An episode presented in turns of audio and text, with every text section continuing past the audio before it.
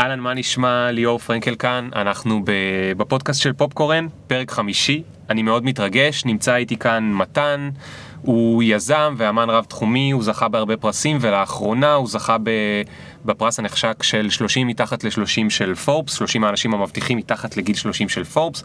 אנחנו עוד שנייה מתחילים. Yeah. Boop, boop, boop, boop. One time.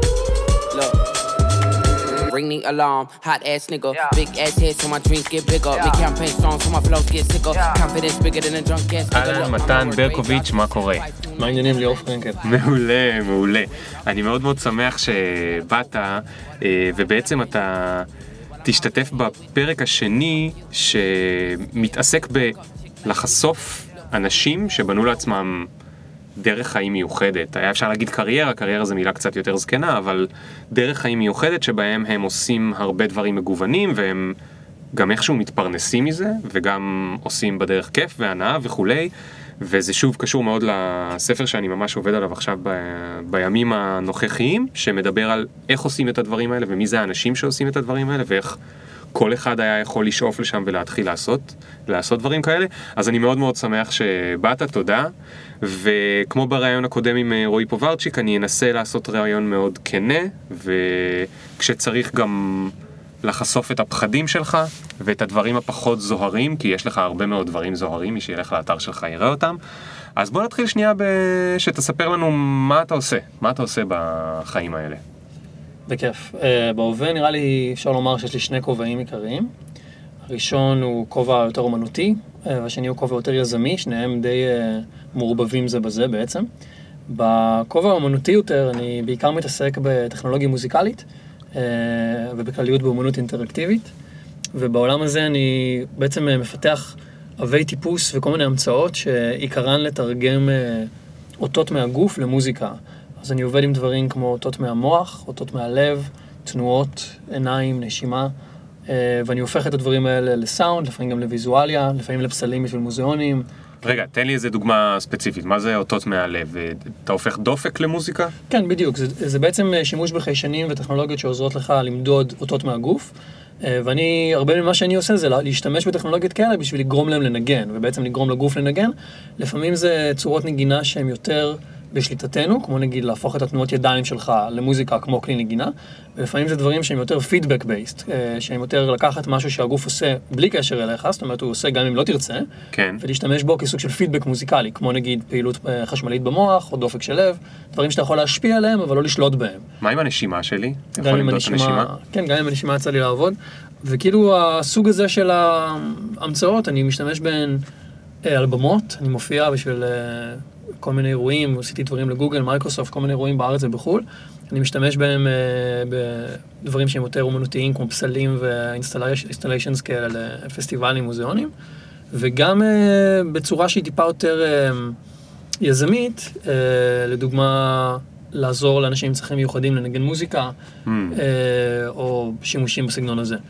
הכובע השני הוא כובע יזמי קלאסי יותר, שבו יש לי חברה שקוראים לה שיפט, mm-hmm. וזה בעצם חברה שכל המטרה שלה אה, היא לקדם אה, אימפקט, לקדם השפעה אה, חיובית על העולם באמצעות טכנולוגיה וחדשנות. אוקיי. Okay. והמודל של החברה אה, הוא משהו שמשתנה די, די הרבה, אפשר לומר שפעם בשנה היא נולדת מחדש. אוקיי. Okay. וגם עכשיו היא בתהליכים אה, מאוד מרגשים האמת של לידה מחדש. והפרויקט הגדול הבא של שיפט קשור לרפואה שיקומית ולפיתוח של טכנולוגיות של רפואה שיקומית. אוקיי, okay, אז תכף נגיע לשיפט, אבל לפני זה אני רוצה להגיד, אמרת שאתה בכובע אחד מהחיים שלך מערבב מוזיקה עם אותות מהגוף ומהלב וכולי. אני יכול לשאול למה לעזאזל? אה, כאילו זה נשמע מגניב, אבל למה שתרצה לעשות דבר כזה? זה היה תהליך אה, אורגני למדי, זאת אומרת אני במקור מוזיקאי וקולנוען, הרקע שלי הוא באומנות ולא בטכנולוגיה. אמ, מה אתה מתכוון רקע כאילו לימודים או ניסיון מהילדות או הרקע, נגיד, מבחינה מוזיקלית, בגיל 14 אה, התחלתי לנגן בגיטרה. אמ, אחרי חודש הקמתי להקה. אה, אחרי שנה הופענו בברבי מול 500 איש. וואו. ובחמש שנים שאחר כך פשוט גדלתי על הבמה, בין חדרי חזרות, להקלטות, להופעות, וכאילו זה היה מאוד hands on. בכלליות okay. אוקיי. הצורה שלמדתי דברים בדרך כלל הייתה מאוד hands on והרבה פחות uh, במוסדות לימוד ובצורה מסודרת. כן. Um, וגם איך קראו ללהקה? הלהקה הראשונה שלי קראו עבד. עבד. זו הייתה להקת מטאל. אה, ואתה יודע, עד סוף, ה... עד סוף התקופה של הלהקה כבר היינו ברמה של כזה לערבב בזה רביעיית כלי מיתר ופסנתר, ואז זמר שצועק וזמר ששר, אבל uh, בסופו של דבר זה כן הפסיק, כי רציתי לחרוג מגבולות הז'אנר ולהתפתח הלאה. אוקיי, okay. גם יש איזשהו גיל כזה 16, 17, 18, 19, ש... מי שעוזב שם את המטאל כבר לא כל כך חוזר למטאל בדרך כלל. מעטים אלה שנשארים כאילו עד גיל 50 אה, במטאל, וזה בייחוד עוזר אם אתה זה שיש לו את הלהקת מטאל, ואז אין לך ברירה. כן, אז אני הייתי זה שיש לו את הלהקת מטאל, אבל, אבל מצד שני הרגשתי ששני דברים בעצם משכו אותי הלאה. הראשון היה הרצון להביע מנעד רגשי רחב יותר ועמוק יותר. כאילו הרגשתי שאני מותח את הגבולות של הז'אנר הזה עד כמה שאני יכול, אבל שיש בי המון דברים שרוצים לצאת החוצה ולא מתאפשרים במסגרת הסגנונית אפשר לקרוא לזה. והדבר השני היה שפשוט מאוד uh, לעולם, התחלתי לטייל. Mm. ומה שאפשר לקרוא לו טיול, הרעיון הזה של לטוס לחו"ל uh, בלי מטרה מוצהרת, נמשך בחיים שלי שנים. אני טיילתי לבד בעולם במשך ארבע וחצי שנים. וואו. Uh, שביניהן uh, הייתי חוזר לארץ לעצירות. ובהם באמת הייתי בעיקר עובד בתור במאי, תסריטאי, עורך, הייתי עובד בסצנת הטלוויזיה ו... ומסביב לה.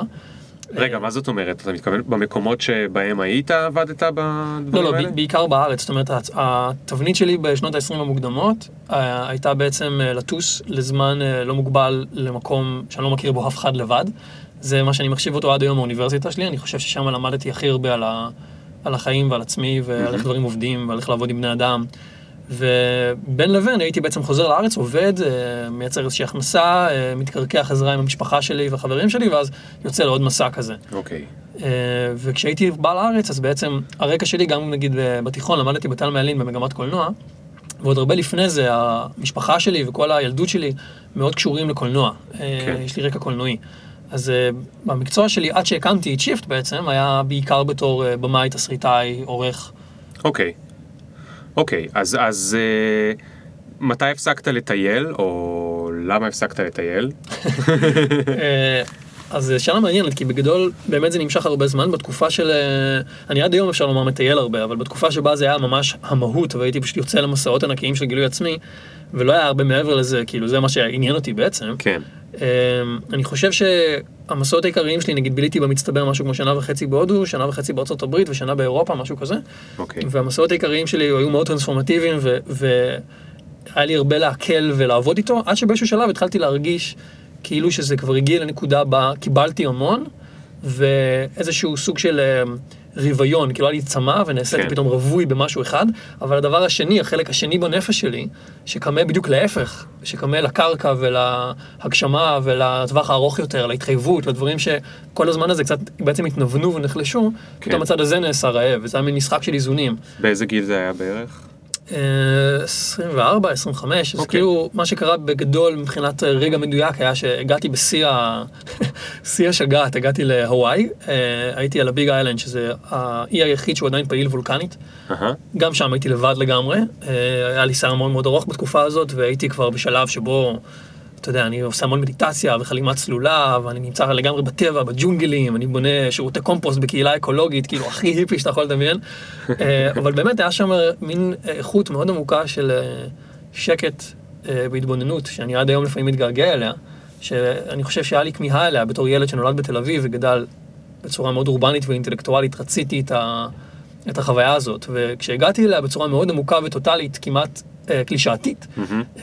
אז הרגשתי פתאום קליק פנימי. אמרתי, אוקיי, אני יכול לשבת פה ולצפות בלוויתנים אה, ערום על צוק, אה, אבל באיזשהו מקום קיבלתי את מה שחיפשתי, ועכשיו פתאום מחדש התלקחה בי איזו אש שרצתה את הכיוון השני. אוקיי, אז זה היה מחשבות על uh, מה שאנחנו קוראים נגיד שאני אייצג את המיינסטרים, אנחנו קוראים לזה התיישבות. זאת אומרת, אמרת, אני רוצה להתיישב קצת, אני רוצה להיות במקום שבו אני קרוב לחברים שלי, למשפחה שלי, אולי להיות עם מישהי בזוגיות, או שזה לא היה קשור לזה? זה היה קשור יותר ל- למצוא בסיס שממנו אני יכול ליצור, אבל הוא יותר בסיס והוא לא זז כל הזמן. אני חושב שהאימפולס הראשון היה באמת לבסיס של יצירה והגשמה עצמית. Mm-hmm. מאוד מהר, כאילו, כשחזרתי לארץ בפעם הזאת, עדיין חשבתי שאני בקרוב עוזב שוב. Okay. כאילו אוקיי. חזרתי מתוך מחשבה של אני עושה עצירה בארץ, אבל כבר הייתי באיזשהו state of mind טיפה שונה. ואז מה שקרה זה שבזמן שחזרתי, די מהר גיליתי, ב... יש לי איזושהי נטייה לנתח אה, ולהתבונן אה, מקרוב בדפוסים שלי. אני חושב שזה חלק מאוד חשוב מ...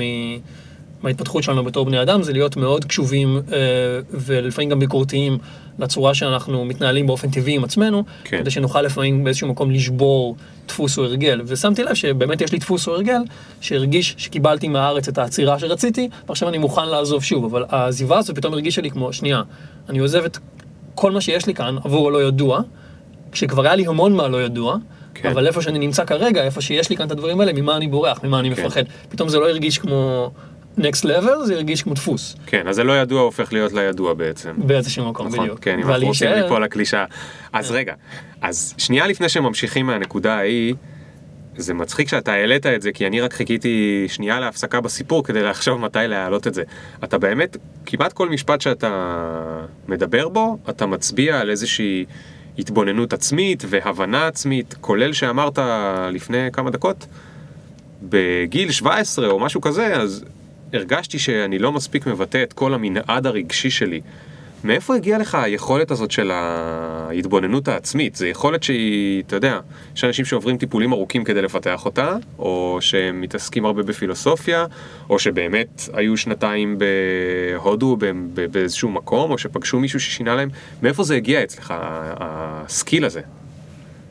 אני קטונתי מלענות על שאלה כזאת. אני חושב שבסופו של דבר, אה, לכל בן אדם יש פרופיל פסיכולוגי שונה. הפרופיל הפסיכולוגי שלי היה כזה. זאת אומרת, לא הייתי בן אדם מאוד מופנם, אבל הייתי בן אדם של התבוננות עצמית, וזה משהו שנמשכתי אליו, והייתי תמיד אוהב לכתוב, אה, לקרוא, אה, לנהל שיחות. באתי ממשפחה שהיא מאוד אה, ורבלית ומאוד אה, אוקיי. אינטרוספקטיבית, זאת אומרת, היא מאוד אה, נמשכת להתעסקות כזאת. וגדלתי ככזה, אני חושב שבגילים יותר מאוחרים מאוד טיפחתי את זה. זאת אומרת, בסופו של דבר, כשאתה מתחיל בתור אמן, או בתור, אתה יודע, מוזיקאי, קולנוען, כותב, אז אתה כל הזמן עובד עם עצמך, אבל אז כשאתה יוצא לטייל בעולם, כל החוויה שלך הופכת לחוויה של התבוננות עצמית. כי כן. אם יורשה לי, אני יודע שדיברנו המון על הנושא הזה, והוא כביכול מאוד שולי, אבל דווקא זה משהו שאני מרצה הרבה, ואף פעם לא רוצה לי לדבר על זה בהרצאות יותר ממשפט, ודווקא זה מגניב אותי אה, לתת לזה שנייה מקום. אני חושב שהחוויה של לטייל לבד, של להיות לבד בעולם, היא ממש חוויה מגבשת, מחשלת ומעמיקה בצורה יוצאת דופן, מהסיבה שכשאין לך comfort zone, אין לך אפילו את הבן אדם הזה, שיהיה איתך בתרבות זרה ובמקום חדש, אבל במבט אחד של העיניים אתם ישר שניכם יודעים, אה, זה, זה ה vibe, כאילו אתה ואני שנינו מסכימים שזה אמור להיות ככה, האיש הזה הוא בטח... אה, משוגע, כן. ואני בעצם אה, בכלל בדרך כלל אמור להיות הבן אדם מהסוג הזה, אבל עכשיו אני משחק תפקיד, אין את זה. במקום זה אנחנו נמצאים בסיטואציה בה אין אף אחד שאנחנו מכירים, אין שום דבר ברור, ומי שאתה כרגע, מה שאתה אומר ומה שאתה עושה, זה מי שאתה, כן. ותו לא. ואז מה שמתחיל להיווצר כשהדבר הזה צובר ימים, חודשים, זה מתחיל להיווצר מצב שבו במקום להרגיש כאילו שאתה שוחה בנהר הגדול, אתה מרגיש שאתה הנהר, זאת אומרת, אתה משתנה יחד עם כל שאר הדברים. תחושת כן. הזהות שלך נעשית הרבה יותר אה, אה, גמישה ופחות מקובעת, ואתה מתחיל לגלות בצורה הרבה יותר טבעית איפה באמת אה, אתה יוצא החוצה, איפה אתה קמל, איפה נוח לך, איפה לא, אתה מתחיל לאתגר את הקומפורט זון שלך בלי הפסקה. כן. אני מרגיש שבשנים שבהן כן טיילתי בצורה מאוד מאוד אה, עקבית, באיזושהי רמה חצי מודעת, זה מה ששאפתי לו, שאפתי למין היכרות יותר אה, עמוקה עם עצמי. ותגיד, לא הפחיד אותך לטייל לבד? יש בזה משהו מפחיד, אבל אני חושב שהרבה מהקטע זה ההתמודדות עם זה. זאת אומרת, כל כמה זמן אתה נתקע, באמת נתקע. כאילו, בדרך כלל הכל, בעיניי לפחות, אה, בדרך כלל הכל אה, יסתדר. זאת אומרת, יש איזושהי נטייה, במיוחד כשאתה יוצא ומטייל ואתה מגלה שכל הפחדים שלך והחששות שלך מאנשים אחרים ומהעולם המפחיד, בדרך כלל מתבדים. זאת אומרת, כן. בדרך כלל אתה מגלה שהעולם אוהב אותך ומקבל אותך. אבל פעם בכמה זמן אתה נופל על הפרצוף ודברים מסתבכים, או אתה באמת נתקע או נשאר לבד. כן. ושם מגיעים הרגעים הכי מעצבים, הכי מחשלים, כי אתה פתאום, you rise above, אתה מגלה שהיה לי משפט שנורא אהבתי בזמנו, בתקופה ההיא, שאמרתי, be your own mother. אני לא זוכר מאיפה שאלתי את זה, או מצאתי את זה, או המצאתי את זה, אבל המשפט הזה הוא, הוא מאוד בסיסי, כי אנחנו גדלים, רובנו, אתה יודע, נגיד משפחה קונבנציונלית, בן אדם קונבנציונלי, יש לך את הפסיכולוגיה של ההורה שפותר את הכל ומציל את הכל, ואם עכשיו הסיטואציה, אתה יודע, נחרבת, אז יש מישהו שאחראי, שהוא גדול ומבוגר ו-all knowing, איזה God figure. כן. כן. בדבר הזה יש אנשים שאתה יודע, זה מלווה אותם כל החיים, התחושה הזאת, וגם כשזה שוב ושוב ושוב נכשל להוכיח את עצמו, הם נשארים בפוזיציה שבה זה אמור לקרות. זו פוזיציה שהיא מאוד בעייתית, אתה מחכה לישועה. נכון. אה, ואני חושב שסוג התהליך הזה שבו אתה כן נתקע במחסום, אבל אף אחד לא יכול לפתור את זה חוץ ממך, אז אתה חייב לפתור את זה, היא אה, מעצימה ברמות עמוקות מאוד. אתה יודע, אתה דיברת ואני נזכרתי ב... שהייתי בן 18 או 19, אני הייתי עתודאי, אז בצבא התחלתי בגיל 22, ועד אז כל חופש גדול ב... בטכניון, הייתי חוסך מלא כסף וטס. אז טסתי, אני תכף טס לערך דבש למקסיקו, השנה היא 2016. כשטסתי אז זה היה 2001. זה היה כאילו הסיסמה להוטמייל, כי היה לנו הוטמייל, אז הסיסמה להוטמייל שלי היה מקסיקו 2001, אז שנים אחר כך זכרתי את זה. ושנה לפני זה טסתי לתאילנד, ואני זוכר שהייתי צריך להסביר לאימא שלי שאני טס לבד, והיא גם ככה הכירה רק מהחברות שלה, ילדים טסים אחרי צבא, ובטח לא לבד, טסים עם מישהו כי זה פחות uh, מפחיד, ואני זוכר שבכלל הפחיד אותי. הייתי, כאילו, מהבחינה הזאת לא הפחיד אותי לטוס לבד.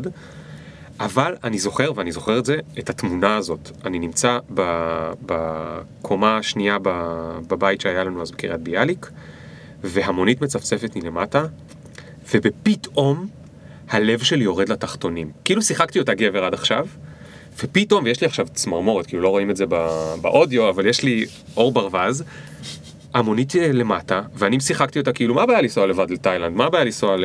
נסעתי לתאילנד, ללאוס, לנפאל שם, מה הבעיה לעשות טיול כזה שלושה חודשים לבד? לוקח את התיק ואני יורד. ופתאום מתתי מפחד, היה לי פחד, לא יכולתי לצאת מהחדר. ואימא שלי צועקת לי, המונית מחכה לך. ולא יכולתי לצאת מהחדר. ובמונית הזעתי.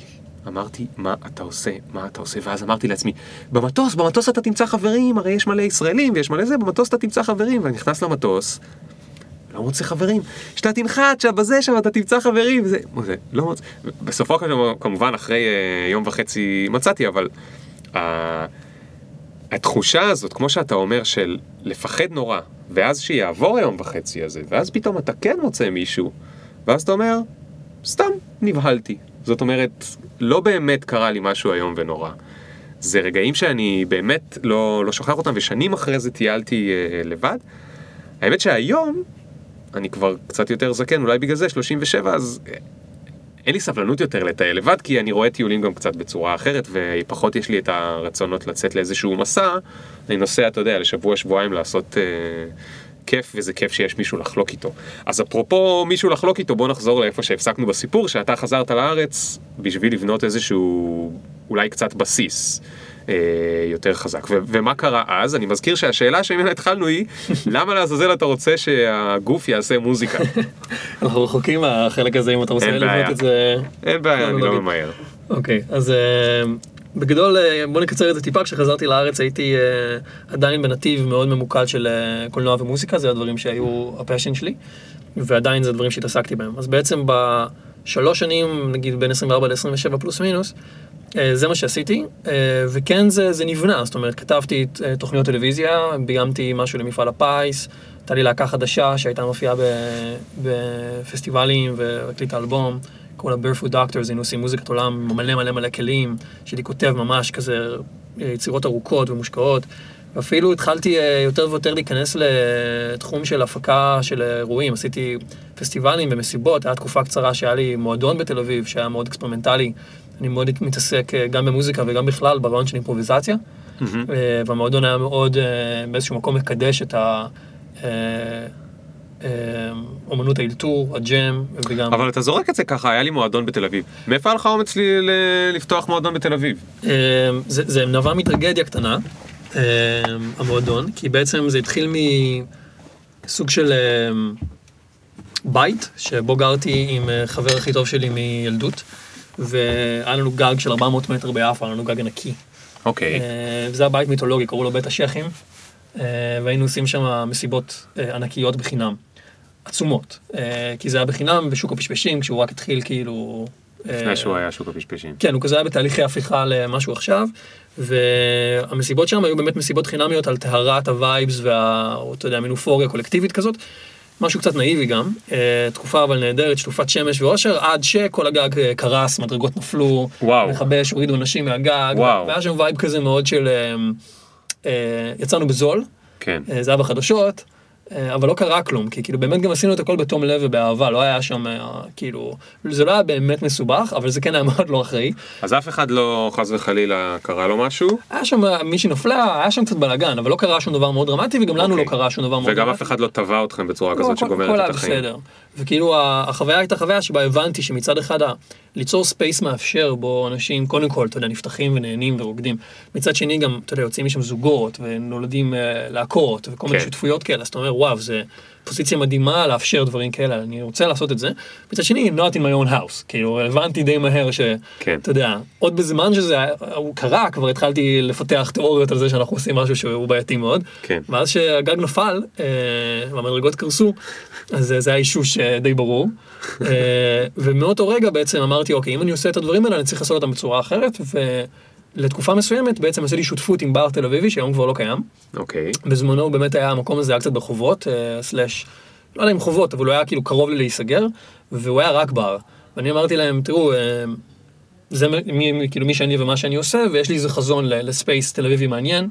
אה, גם יש לי, אני תל אביבי במקור, ואני מוזיקאי מילדות, אז יש לי סצנה שאני יכול בעצם להזרים לפה, והם נתנו לי את החלל, אני הפכתי אותו למועדון, כאילו היה ליד, ליד החדר של הבר עוד חדר שהיה בזמנו ריק, הפכתי אותו למועדון, והתחלתי להרגיז שם אירועים שהיו לא קונבנציונליים.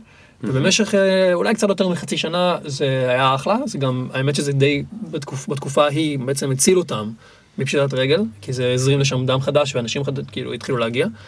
אבל אני, אתה יודע, מציתי את זה בשלב כזה או אחר, כי הרגשתי שאתה יודע, להיות כבול למקום, לנדל"ן, כן. כן. למרות שלא אני חתום על החוזים, אני סך הכל עושה איתם שיתוף שיתוף פעולה, אבל יש בזה משהו מאוד מגביל, במיוחד לסגנון החיים שלי. כן.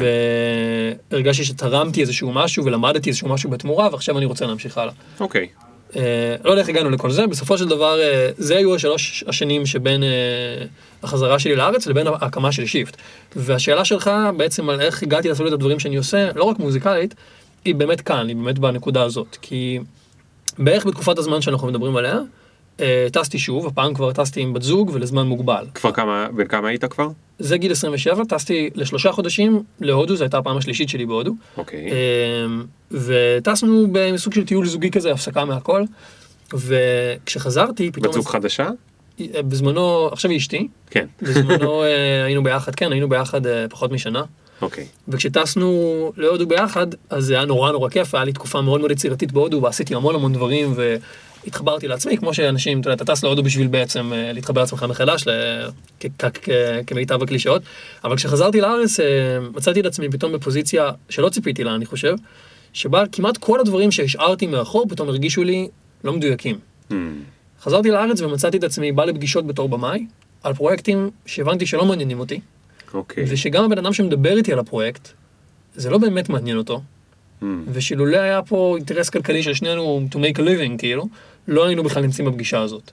וההרכב שלי, שזה הרכב שמאוד האמנתי בו והשקעתי בו, פתאום הסתכלתי על כל המאמץ והאנרגיה שאני נותן לדבר הזה, ואמרתי, האם זה המיטב שאני יכול לעשות עם הזמן והאנרגיה שלי, מעבר לכיף ולאסתטיקה ולווייבס? כן. האם אני באמת תורם משהו משמעותי? האם זה שאני אקח עכשיו את העבודה הזאת בתור במאי, ואקדיש את השנתיים הקרובות להופעות אה, ואלבום, מהמם. האם זה קשור באיזושהי צורה לאתגרים שאני מזהה שיש בעולם, לצרכים שאני רואה לבני אדם סביבי? האם זה באמת אמ, ראוי לכל המתנות והפריבילגיות שזכיתי להם, ושהרבה אנשים סביבי אני מרגיש זכו להם, וזו שאלה קשה, כי זו בעצם שאלה של אחריות. אני מרגיש שעד גיל די מבוגר, אה, זה לא העסיק אותי. כן. התחושת האחריות הפנימית שלי הייתה מאוד קשורה להגשמה עצמית, והייתה מאוד קשורה ליצירה. הרגשתי שביצירה יש איזשהו סוג של... אמ, אמ, תגמול עמוק מאוד. כן. ואני עדיין מרגיש את זה, אבל אני התחלתי לפתח בגילים יותר מאוחרים תחושה מקבילה, שבה, אה, אני לא יכול להגיד שיש לי חוב, שאני חייב משהו, אבל אני יכול להגיד שיש לי אחריות. שאני באיזשהו מקום, לפחות במידה מסוימת, צריך להקדיש אנרגיה, זמן, משאבים, אה, לעשות משהו שבאמת ישנה לטובה, ישפיע לטובה על חיים של אנשים אחרים. אוקיי, אז שנייה. עכשיו נכנסת ל... אה, לסיבה שאולי בגללה נתנו לך לעמוד על אה, בימת אה, TEDx, איפה זה היה, ירושלים? טדקס היה בירושלים. אה, לא שאני אומר שבגלל זה דיברת שם, אבל איכשהו תמיד יוצא שאנשים שיש להם תחושת אחריות כזאת, גם ב, מ, בסבירות יותר גבוהה מגיעים לב, לבימות כאלה. אבל גם, כמעט תמיד, יש עוד צד בסיפור, שהוא לא רק הרצון לעשות משהו משמעותי, אלא גם, זה משהו שאתה נגעת בו בקטנה. כאילו אמרת, ישבתי שם בפגישה עם הבחור, ולא האמנתי שאני רוצה לעבוד על זה ושהוא רוצה לעבוד על זה. זאת אומרת, הרגשת חוסר אותנטיות או משהו כזה, ש... כנראה שלך יש איזשהו ערך שאומר, אני צריך את ה-for real. כאילו, אני לא מוכן ל... לכלות את ימיי במשהו שהוא לא for real, משהו שהוא לא... אה, אה, אני, מה- אני לא רוצה לעשות דברים שאני לא מאמין בהם, לצורך העניין, אוקיי? או שאני מרגיש שיש לי אליהם תשוקה. זה, זה שני דברים שונים, אתה... אתה... חד משמעית, חד משמעית. אני חושב שבסופו של דבר, המקום של נאמנות עצמית, אה, והמקום של לא להתפשר, אבל היה, היה אצלי לפני, זאת אומרת הייתי, מהמם. הייתי די כזה, אפילו כשעשיתי דברים שפחות האמנתי בהם, נגיד אה, כתבתי מתישהו טלנובלה לצורך העניין. גדול. אז ברגע שסיימתי לכתוב את הטלנובלה הזאת, וגם הלך, כאילו זה הלך טוב, הכתיבה הייתה מהנה, וקודמתי, וקיבלתי לכתוב את הפרק סיום, כאילו קיבלתי הרבה אה, כבוד איזה טלנובלה? ספר לנו. בתיכון השיר שלנו. אוקיי. לא מאמין שאנחנו מגיעים לשם, רצית כנות. חבל על הזמן, סוף סוף אמרת לי משהו זה. אני, אפילו לא בטוח שאני יודע מה זה, כי אני קצת. זקן, אבל אני זוכר משהו, השיר שלנו. כן? אז, אז זה אפילו לא, זה לא השיר שלנו, זה תיכון השיר שלנו. אוקיי. זה מין הייסקול מיוזיקל. הנקודה היא אבל שבסופו. של דבר, נגיד הגיג הזה כדוגמה, עשיתי אותו מתוך רצון אה, to experiment ו, וקצת לאתגר את עצמי וללמוד. כן. ובאמת קיבלתי את הדברים האלה, ואז שסיימתי את זה וקיבלתי הצעות לכתוב עוד טלנובלות, מהמם. סירבתי. אה, ובאופן די עקבי לאורך הקריירה שלי, אה, או ה- זה לא כמו שאמרת, קריירה זו מילה טיפה מיושנת, לאורך החיים שלי, שוב ושוב סירבתי הרבה פעמים לדברים שהם על פני השטח משתלמים ואפילו צפויים כ- כצעד הבא, מהמם. לטובת משהו שהוא לאו דווקא משתלם ולאו דווקא צפוי, אבל הוא בהחלט מה שאני מרגיש קריאה אליו או מה שאני מאמין בו. יש לך דוגמה שאתה זוכר? כן, עוד מעט נגיע לתקופה שכל כולה רק כאלה, אז חבל- חבל להתמקד בעבר. אוקיי, אז רגע. אז סגרנו שנייה את הנושא הזה, ואני חוזר עכשיו לנושא שאתה רוצה לתת אה, אה, לאחרים ואתה מרגיש רגע, אני רק רוצה אחריות. לחזק עוד טיפה את הנקודה שמה ששאלת אותי קודם, אתה רמזת שם על זה שיש יותר מהרצון לתרום, ואני חושב שזה מאוד נכון, לא רק בגלל הנאמנות העצמית הזאת, שהיא משהו שאני מרגיש שלאו דווקא בתקופה הזאת גיליתי אותו, זה משהו שהיה שם קודם, אבל חוץ מהרעיון של האחריות הזאת, שכן היה מין אה, קונספט שהיה יחסית חדש, זאת אומרת, הוא גבר בהדרגה בתודעה שלי, ובחזרה מהודו, שפתאום הייתי מאוד קשוב לעצמי, פתאום ראיתי עד כמה... אה, לא מדויק יהיה להמשיך במה שעשיתי קודם, מהמם. מעבר לזה היה גם עוד משהו, והדבר הזה הוא תסכול. אוקיי. וזה משהו שבעיניי הוא נקודה מאוד חזקה. אני חושב שהרבה פעמים אה, תסכול, בין אם זה תסכול מקצועי, תסכול אה, כלכלי, אה, דברים שהם בסופו של דבר אה, ארציים, לא רק שהם נשגבים, הוא מנוע מטורף, זה דלק מטורף. וככה זה היה בשבילי באותה תקופה. אגב, וזה, וזה מתחבר למה שרציתי לשאול אותך, הוא דלק מטורף למי שיש לו את הכלים או את המסוגלות או את היכולות או את ה... לא יודע מה, כי להרבה מאיתנו תסכול זה משהו שהוא דווקא משתק. אבל זה משמעות, זה משמעות האמירה, כי תסכול הוא רגש שכל הקונוטציה שלו היא שלילית, ולהגיד שהדבר הזה יכול להיות דלק או מנוע מטורף, זה בסופו של דבר כל האפשור, זה רק היכולת אוקיי. להפוך דבר. אז זה ה framing, זה איך אני מסתכל על זה. אוקיי, הכל, אז לא? זה להגיד אני עכשיו בפינה הזאת של החיים שלי או בזווית הזאת, או שזה הרבה זוויות, תלוי בחיים שלי. אני מתוסכל בדבר כזה וכזה, בוא נסתכל על זה כהזדמנות ל- ל- למה בעצם. אז כן, אולי בצורה פחות מודעת לעצמה מבחינת זה שבוא נסתכל על זה כהזדמנות, אבל אני כן זוכר שפשוט, אתה יודע, כשאתה יוצא לדרך שהיא נגיד מוזיקלית, קולנועית, דברים כאלה, על מה אתה מפנטז? מה המטרה שלך? המטרה שלך היא נגיד טורים בכל העולם, לא, שטיחים אדומים, פרסים, כן. פרסים נחשקים, אתה רוצה לעשות את המוזיקה שבנשמה שלך ולזכות בהצלחה, אתה רוצה לעשות את, הקולנוע שאתה מפנטז עליו ושזה יהיה masterpiece שכולם יכירו בו, כאילו אתה בעצם רוצה to be aligned עם החלומות ילדות שלך באיזשהו מקום. כן. והקריירה הפרקטית אה, שלי, כמו של רוב האנשים, ועוד לי דווקא היו בסופו של דבר אה, אה, הישגים לא רעים יחסית לגילי, אבל התחושה שלי הייתה מאוד של אה, חוסר מימוש.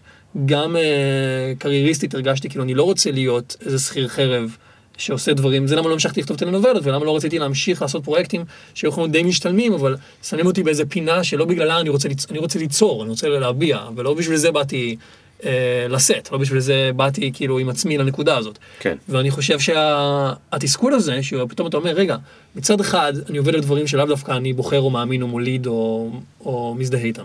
מצד שני, אני לאו דווקא הולך להגיע ככה לאיזה עצמאות כלכלית מטורפת, או לאיזה, אתה יודע, בסופו של דבר, לאן זה מוביל. ומצד שלישי, אני גם לא תורם שום דבר משמעותי. מה, אני עכשיו כאילו אכתוב טלנובלה או אביים פרסומת, כן. ואקבל סכום כסף לא רע, כן. ואעשה את כל זה במקום החלום ילדות שלי, וכאילו מה, מה יצא מכל הדבר הזה. אז הנקודה הזאת, זה בדיוק הנקודה שלדעתי רוב האנשים נשארים בה. זה הנקודה שבה אני לא מוצא את הכיף, או את האותנטיות, או את ההנאה.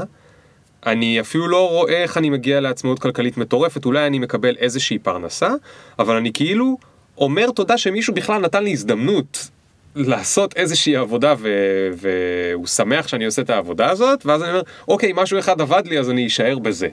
אה, אבל אני, אני, אני מסכים ואני חושב שאני אני, אני שואף כל הזמן להיות יותר ויותר גם ככה, זה לא הנקודה שבה כדאי לעצור. זאת אומרת, זה, זה אמורה להיות בערך הנקודה שבה צריך להפסיק ולהבין איך אני כן הולך לעשות וי על כל, ה, על, על כל הדברים האחרים. זה, אז זה בדיוק מה שקרה בסיפור הזה לפחות. כאילו, אני עשיתי סטופ, והפסקתי לקחת בעצם את הפגישות עבודה האלה. מהמם. לא לקחתי לעצמי שום עבודה חדשה, וגם ההרכב שלי די מהר הגיע למצב שפשוט הוא ב pause פתאום, למרות שבדיוק היינו אמורים לשחרר אלבום, וחזרתי כאילו עם הרבה מומנטום, פתאום מצאתי לעצמי די מהר עושה פאוס על הכל, ונכנסתי בפעם הראשונה בחיים שלי במובן מסוים לתקופה של משבר זהות. אני מגיל מאוד מאוד צעיר ידעתי שאני רוצה להיות קולנוען, ואז מגיל 13-14 ידעתי שאני רוצה להיות מוזיקאי, ונשארתי ככה עד גיל 27 בצורה די עקבית סך הכל. כן. הרבה טיולים וחיפושים פנימיים, אבל זה מה שרציתי להתעסק בו. זה אפילו, זה אפילו תרם לך לדמות המוזיקאי והקולנוען, החיפושים והטיולים. כן. זה לדעתי זה תורם להכל, אבל זה כבר שאלה אחרת. אז בסופו של דבר הגעתי לפוזיציה בה אני בפאוס כזה, ואני מנסה להבין what's next, כאילו, אה, והחיפוש, כאילו מבחינתי, אחרי התשובה הזאת, הוביל אותי לשני מושגים שונים, ששניהם היו חדשים בחיים שלי. הראשון היה המושג הזה שדיברנו עליו קודם של אימפקט, של היכולת שלך להשפיע לטובה, היכולת של לקחת אחריות מסוימת, אתה יודע, אני, אני לא מהאנשים, ואני לאו דווקא גם תומך או מעודד במיוחד את התפיסה הזאת, שאתה יודע, מאמינים באיזה אה, אה, תסמונת משיח כזאת, שכאילו, אתה יודע, העולם עומד אה, להיחרב אה, וזה ביכולתנו לעצור או להפוך את זה. אני דווקא מחזיק באמונה שהעולם כדרכו נוהג הוא גדול בהרבה מאיתנו ומכל השאיפות והתפיסות שלנו, וגם אם אנחנו נצליח לחולל בו מהפכות שלמות בימי חיינו, בסופו של דבר אנחנו, אתה יודע, גרגר חול ב, בים, זה לא באמת עכשיו כאילו... אז מאיפה המוטיבציה לעשות שינוי? כי אני חושב שמהצד השני של המקום הזה, שבאמת רוצה, אתה יודע, להציל את כל העולם ולהנהיג את כולם לשחר החדש, יש מקום הרבה יותר מקורקע של אחריות אישית, שבו אתה אומר, יש לי X זמן על כדור הארץ, יש לי Y skills, משאבים ויכולות, ואם אני לא תורם אף אחד מהדברים האלה אה, להיטיב או לעזור עם משהו שאני תופס אותו כבעייתי, כאתגר, כהזדמנות לשנות, אז פשוט זה יוצר תחושה, אצלי זה יצר תחושה אה, לא מסונכרנת, הרגשתי שאני לא מדויק במעשים שלי. הדבר הזה לא קשור ל- להפוך סדרי עולם, כמו שהוא קשור פשוט למה אני עושה עם עצמי, אוקיי. ברמה, אתה יודע, היומיומית שלי. ומהצד השני של הדבר הזה, שזה המושג הראשון של ה impact, אה, המושג של החדשנות. עד הגיל הזה, אני בעצם, אה, אתה יודע, יש משהו בחיים יצירתיים שיש בו חדשנות כלשהי, זאת אומרת, הייתי אה, מתנסה, experimenting עם כל מיני דברים ב... במדיומים שהתעסקתי בהם, אבל לא התעסקתי בכלל בטכנולוגיה, מהמם. אמ, מעבר ל... אתה יודע, הייתי משתמש בתוכנות עריכה, הייתי משתמש בתוכנות הקלטה, הייתי משתמש בציוד מוזיקלי, הייתי משתמש בטכנולוגיה פונקציונלית, אבל לא הייתי בכלל מתעסק בפיתוח טכנולוגיה. למעשה, כשהייתי ילד, אה, עוד לפני המוזיקה, הייתי טיפה מתכנת, כן. אה, וגם בתיכון עשיתי אה, חמש יחידות מחשבים כזה, אבל זה היה מין ממש ברמה של, אתה יודע, HTML, JavaScript, זה דברים שכזה, היו לי, היו לי בסקיל סט, כי הייתי בן כן. אדם טכני למדי. אבל לא הייתי בכלל מתעסק ברעיון של טכנולוגיה, בטח שלא סטארט-אפים או דברים כאלה, זה היה די זר לי. כן. ובגיל הזה ובנקודה הזאת פתאום אמרתי, אוקיי, השני דברים שחסרים לי בחיים בתחושה שלי, הם מצד אחד החוויה של האימפקט והתחושה שאני רותם את עצמי למשהו, ומהצד השני החוויה של החדשנות. התחושה שבה מה שאתה עושה, יש בו בשורה. אוקיי. ומה שאתה עושה יכול באמת להוליד דברים שהם לא, הנה סיפור מעניין, או הנה שיר מרגש, אלא הנה משהו שלא היה קודם בכלל, אוקיי. בצורה טיפה יותר אובייקטיבית. אני מרגיש שאתה ממש כמעט מתקרב לענות על השאלה ששאלתי אותך לפני אה, חצי שעה ואני דווקא מאוד אוהב את זה הרעיון. ואני לא רוצה שאתה תענה על השאלה הזאת כי מה סיפרת לי לפני שנייה שאתה כבר התחלת להתעסק עם לקוחות מסוימים ועם פרויקטים מסוימים והייתה לך להקה ועכשיו אתה גילית יופי מתן גילה שבא לו להתעסק בחדשנות ובאימפקט אבל מה לגבי התחושות שלך על כל האנשים שעכשיו אתה משאיר אותם מאחור, דופק אותם, כל אחד יכול לקרוא לזה בתחושות אחרות. זה עצר אותך, זה הפחיד אותך, זה עניין אותך, זה זה, זאת אומרת, הנה אמרת, אני חוזר מהודו וחשבנו שאנחנו מקליטים עכשיו זה, ואתה צריך לבשר ללהקה, חבר'ה לא עושים שום אלבום, כי אני החלטתי שאני אימפקט זה, זה חדשנות. יותר גרוע, פרנקל, זה יותר גרוע, כי האלבום כבר הוקלט. אני, אני. כן, אני הפקתי את, ה- את המהלך של האלבום הזה ככה, אה, לארגן הופעות, לחסוך את הכסף מההופעות, לשים אותם בקופה, לסגור את האולפן, היה לנו איש שעבד איתנו, אבי, שהוא כפרה עליו, בן אדם שנתן כל כך הרבה, וכן, ב- באשם מאוד תחושה חזקה של אה, מומנטום, שאני זה שעשיתי עליו pause כשטסתי, ועכשיו אני זה ש, שגם מסבך אותו כשאני חוזר. עשית עכשיו על הסטופ. כן, כמובן שהיו עוד בעיות להוציא את זה, זאת אומרת היינו צריכים להחליף מתופף וכל מיני דברים של להקות שהן לא כל כך רלוונטיות, אבל אה, בהחלט היה שם איזו תחושה ש... אה, אה, אני זה שעכשיו צריך לעצור את הכל. אני חייב לומר שמעבר להרכב לא היה הרבה מזה בחיים שלי, כי אוקיי. אחרי שלושה חודשים בהודו, אתה די מנקה את השולחן. הדבר העיקרי שנשאר לי זה האלבום הזה שאמור לצאת. אוקיי, וזה להקה של אנשים שכמה זמן הכרת. אה, קראתי אותם תקופות משתנות של זמן, כי הנה הרכב של כזה שישה אנשים, אה, אבל הרכב היה קיים בשלב הזה בערך אה, שנה וחצי, שנתיים. אוקיי, אז, אז, אז מה שאני מנסה לשאול זה, שברגע שהחלטת, אוקיי, אני רוצה לעשות שינוי, כמה היה לך בראש את המרכיב הזה של אני הולך לאכזב את החבר'ה, והאם זה אפילו לשנייה כאילו לא... כי אני חושב שיש אנשים, אני, אני זוכר נגיד ב, אה, בצבא או אחרי זה בהייטק, ב, בתקופות לפני שהייתי אה, אה, בחיים הנוכחיים שלי, שהם כל מיני שיירים, אז, אז כשהייתי בעולם המסודר ההוא, אני זוכר אפילו כשאתה עובר תפקיד, לפעמים אתה מתחיל לאכול סרטים, מה יעשו בתפקיד הזה בלעדיי, ו- ואני מאכזב אותם, ומישהו כבר הציע לך את התפקיד הבא, אבל לא נעים לך, ו- ומה אני אעשה איתם, ויש הרבה אנשים, אני חושב שזה קצת עוצר אותם או מאט אותם, ולאו דווקא מטוב לב, גם יכול להיות באמת מתחושת אחריות, יש לי אחריות לגבי האנשים האלה, ועכשיו אני, אני הולך, זה הולך קצת לדפוק אותם, שאני, יש לי רשתות משלי. כן, זו הייתה חוויה, אתה מחזיר אותי למשהו שהרבה זמן לא חשבתי עליו כל כך, זו הייתה חוויה מורכבת רגשית, וגם היא הייתה חוויה שהיה לה תקדים, כי את ההרכב הראשון שתיארתי, גם אותו אני הקמתי, אני הנהגתי, הקלטנו אלבום, ואז טסתי להודו, בדיוק אותו סיפור. וואו. וכשחזרתי, אה, כבר הייתי באיזשהו שלב אחר. זאת אומרת, זה היה ממש history repeats itself לחלוטין. אוקיי. אה, אז אם מישהו מקשיב והולך לעשות עם מתן עסקים, תיזהרו כשהוא נוסע להודו, תחזיקו- תחזיקו אצבעות. זה מעניין שאתה אומר את זה, כי עכשיו נגיד בעולם שאני מתקיים בו כרגע ושאני פועל בו כרגע, דברים עובדים אחרת מאשר, אה, מאשר להקות. Hmm. שזה משהו שהוא, בדיוק, בדיוק בגלל הדברים האלה, אני מרגיש שההעזה שלנו ללכת קדימה, היא תהליך התבגרות. אוקיי. אם הייתי נשאר בדיוק באותו דפוס וממשיך לעשות את אותו דבר, אז מאוד יכול להיות שמה שעכשיו תיארתי לך, פשוט ממשיך לקרות כל כמה זמן, וזהו. כן. אבל הדרך לשבור את הדפוסים שלנו, כמו שכבר נגענו על זה קודם בשיחה, זה אני חושב לאתגר אותם. והסיבה שהפעם רציתי לעשות פוס על ההרכב, לא היה כי לא האמנתי בו, או כי לא הזדהיתי יותר עם המוזיקה, אני עד היום חושב שזה היה ההישגים הגדולים שלי מבחינתי, היו הדברים המדהימים שיצרנו ביחד בהרכב הזה. אני פשוט באמת חושב שכאילו, ברגע שעלתה בי תחושת האחריות וגם הסוג של האמביציה הזאת, שנובעת מתסכול והשראה לעשות דברים, חדשים ומאתגרים, אני חושב שבסופו של דבר היכולת הזאת לפעול עם הדחף הזה וללכת עליו, אה, הייתה דבר שאפשר בחיים שלי ובחיים של אנשים אחרים המון דברים טובים. Okay. להישאר במקום הקודם ולנסות להיאחז באיזשהו משהו שאתה כבר פחות מזדהה איתו, הסיכוי שהוא יוביל לזה שכולם יהיו מרוצים, מאושרים ומצליחים, הוא מזערי לחלוטין. נכון, נכון. ואני מסתכל על, אתה יודע, אנשים שהיו איתי בהרכב הזה, קודם כל כולנו זוכרים, אה, אני חושב, מאוד לחיוב את התקופה הזאת. רובנו עדיין גם חברים ובקשר, חלקם עדיין מנגנים ביחד, אני מנגן עם חלק מהם. הדבר לא היה הרסני, Hmm. הוא היה אבולוציוני. אה, אז כן, זה היה מורכב רגשית, זה גם לא קרה בבת אחת, זאת אומרת, הרכב לא היה, לא היה ג'אמפ קאט, הוא היה דיזולב, הוא, לא- הוא דעך. אוקיי. אה, כי כן ניסיתי, אבל ככל שהדבר החדש שהתחלתי לטפח בחיים שלי צמח, הדבר הקודם שנשאר דעך, אה, וזה קרה באופן די אורגני. הם כעסו עליך, אתה חושב? אמ, תלוי מי, ומאוד הגיוני שבאותה תקופה לפחות במידה מסוימת, אבל זה היה פחות עניין של אני מקבל החלטה וכולם כועסים עליי, ויותר באמת סוג של תהליך אורגני שהיה לי חלק מאוד גדול בו, ללא ספק, כי זה כן היה הרכב שאני הקמתי והנהגתי, אז כאילו, בסופו של דבר, אתה יודע, זה סוג הדברים, כמו יזם של חברה, אתה יודע, בן אדם אחד יכול להחזיק איזה מערך שגם כשהוא מתפרק סביבו לחלוטין, הבן אדם יכול כאילו להצדיק את קיומו, אבל ברגע שהאיש הזה כאילו הולך הביתה, אתה יודע, גם אם המערך עובד, הוא הוא יגווע. טוב, אז האמת שאני נורא סקרן שם לעוד הרבה דברים, אבל בוא נתקדם קדימה. כדאי. מה שאתה אומר זה ש...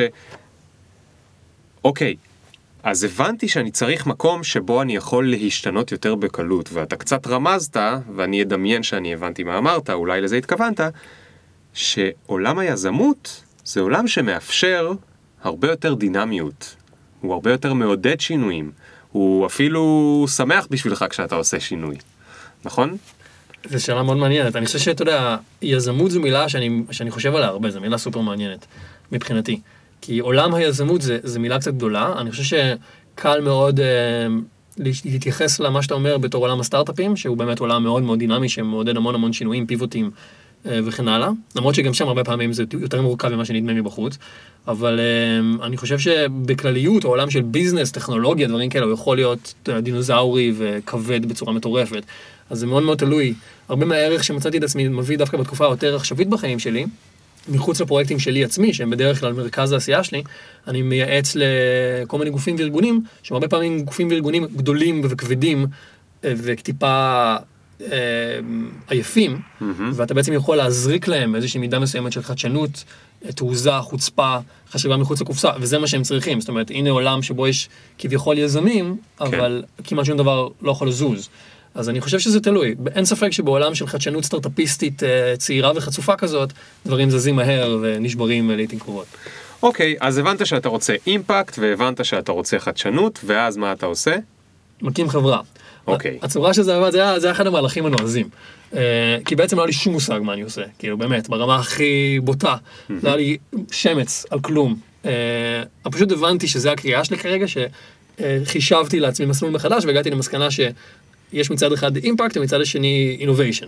אז אמרתי, אוקיי, הסלוגן הוא innovation for purpose, יעני חדשנות עבור uh, מטרה. מטרה טובה נקרא לזה. כן, וסימנתי לעצמי ב... ב מיידי במעגל החברים שלי, שני אנשים שנראים לי הכי רלוונטיים לחזון המתהווה הזה. אחד מהם התראיין אצלך לא מזמן בפודקאסט, קוראים לו אופיר אביגד. אופיר היקר. אופיר היקר. השני זה ניונן מיטלפונקט היקר. גם יקר. ושני האנשים האלה, כל אחד מהם היה באיזשהו אפקט מראה אליי. זאת אומרת, אחד אה, היה מאוד אה, חברתי, אה, אופיר היה בן אדם מאוד מאוד מלא ב... אידיאולוגיה ורצון לשנות, הוא היה הרבה יותר נגיד בסגנון שהתייחסתי אליו קודם, המשיחי הזה של העולם נחרב וצריך להציל אותו, mm-hmm. שזה נטייה שזיהיתי אותה כלאו דווקא שלי, אבל כן רלוונטית, הוא היה הרבה יותר מעורה בעניינים חברתיים, פוליטיים, אה, אתה יודע, מהפכה חברתית ושאר הדברים האלה. כן. אה, והוא היה מומחה לשיווק אינטרנטי, היה לו את הקונספירלה שהיה דף מאוד מאוד ויראלי, והוא היה בן אדם שמאוד מבין בפייסבוק, ובכלליות בן אדם שהשיחות שלנו היו מאוד מאוד חדות, מהירות ומלאות תובנות. ומהצד השני היה את ליונל שהיה בחור ש...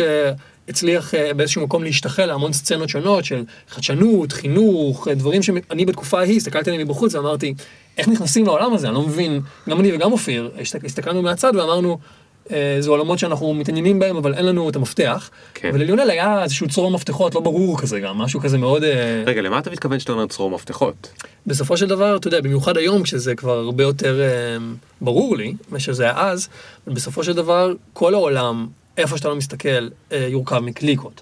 זאת אומרת, בכל סצנה מוזיקלית, תרבותית, יזמית, עסקית, משפחתית, איך שלא תסתכל על זה, אנשים מקיפים את עצמם באנשים אחרים, ויוצרים ביחד את הקבוצות שלהם.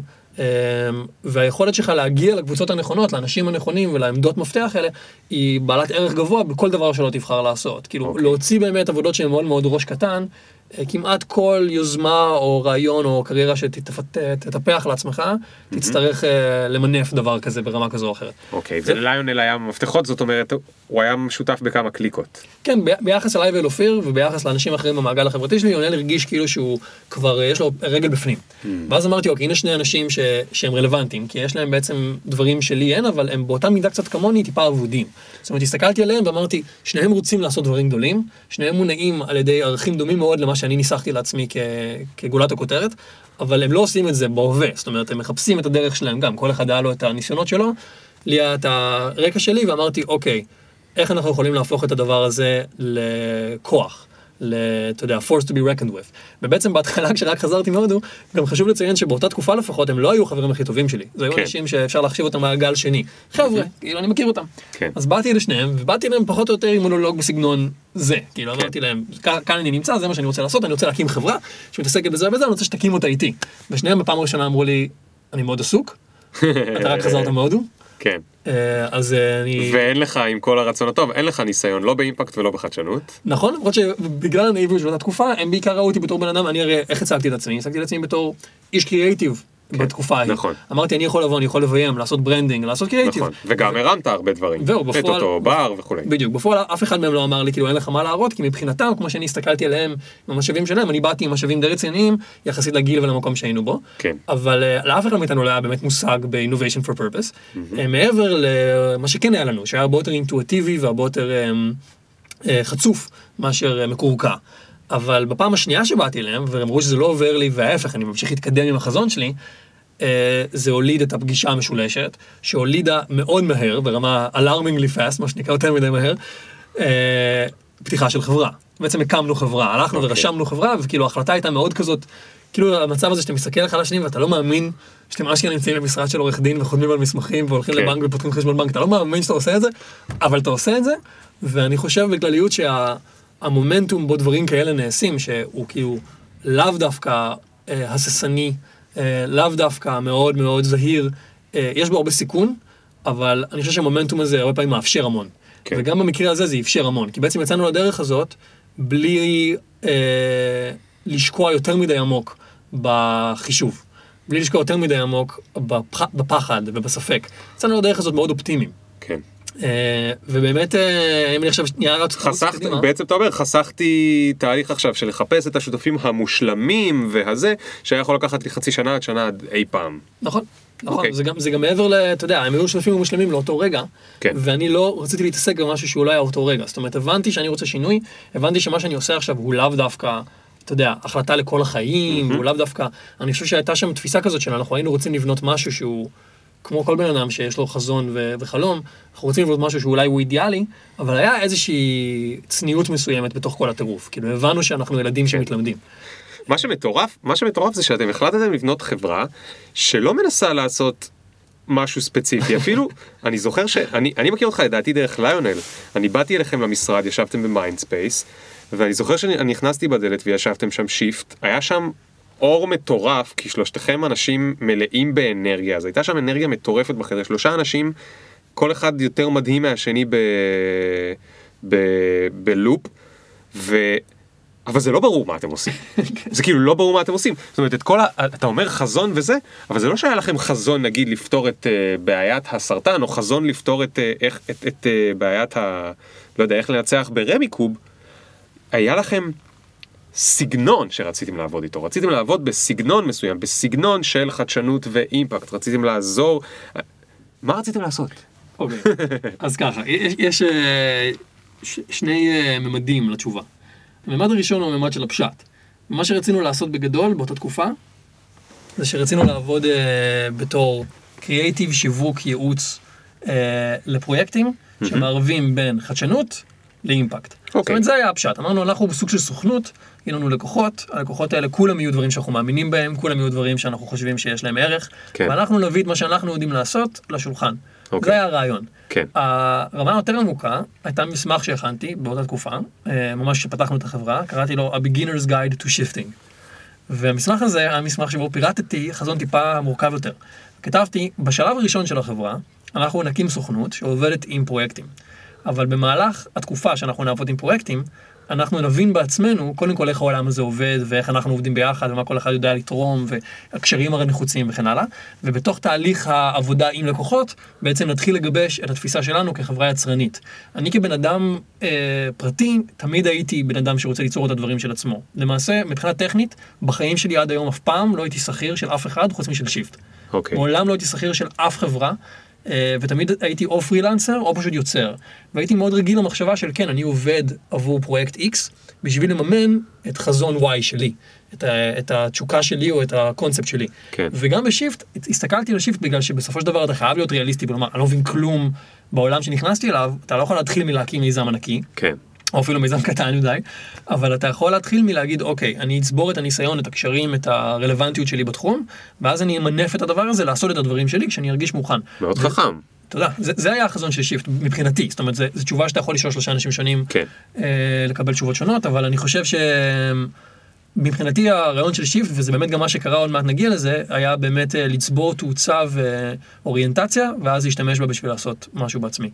אני חושב שזה מאוד חכם, המכניקה הזאת או הטכניקה הזאת של אני יודע, הבנתי שאני אולי רוצה להיות משהו, נגיד יזם טכנולוגי או יזם שמערב טכנולוגיה ואימפקט, אני עוד לא במקום שאין לי קשרים ואני גם לא מבין בכלל מה צריך לעשות שם, אז קודם כל אני אתן להם שירותים מסוג מאוד ספציפי שבו אני כן מבין, ותוך כדי אני אלמד על זה. זה, זה טכניקה מדהימה. אוקיי. אגב, זה מתחבר למה שדיברנו עליו קודם, שבו התהליך למידה, כמו ששאלת אותי על מוזיקה, הוא hands on. אתה לא הולך ללמוד MBA, אתה לא הולך אתה יודע, ללמוד תכנות או לבית ספר ליזמות, אתה פשוט מקים חברה, כמו שאתה מקים להקה, וכמו שאתה אומר, אתה מתחיל מלעשות, כאילו, אתה מתחיל מלנגן קאברים במקום לכתוב שירים. כן? אז רגע, אז רגע, אז רגע, אז רגע. זה נשמע פנטזיה מדהימה.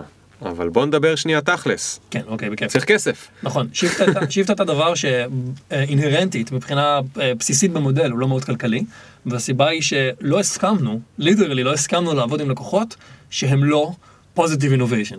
עכשיו, כשכן הגיעו אלינו לקוחות מגניבים, עם פרויקטים מעניינים ואחלה כסף, אני הייתי יכול לביים להם סרטון עם תקציב טוב, כי לא יכולים להפוך לסוג של, אתה יודע, whatever, חברת פרסום או משהו כזה, היינו אומרים להם לא. וגם היה לנו uh, מכניזם פנימי בחברה בתקופה ההיא, שאמרנו, אם בן אדם אחד מתוך השלושה חושב שזה לא innovation for purpose, לא עושים את זה. וואו. זאת אומרת, זה לא, זה לא עובד על רוב, זה עובד על אחד. כן. Uh, ותמיד היה מישהו שיגיד, בתכלס זה לא קשור לשיפט, ולכן לא עשינו כמעט שום דבר שלא היה בקוד הפנימי שהחלטנו עליו.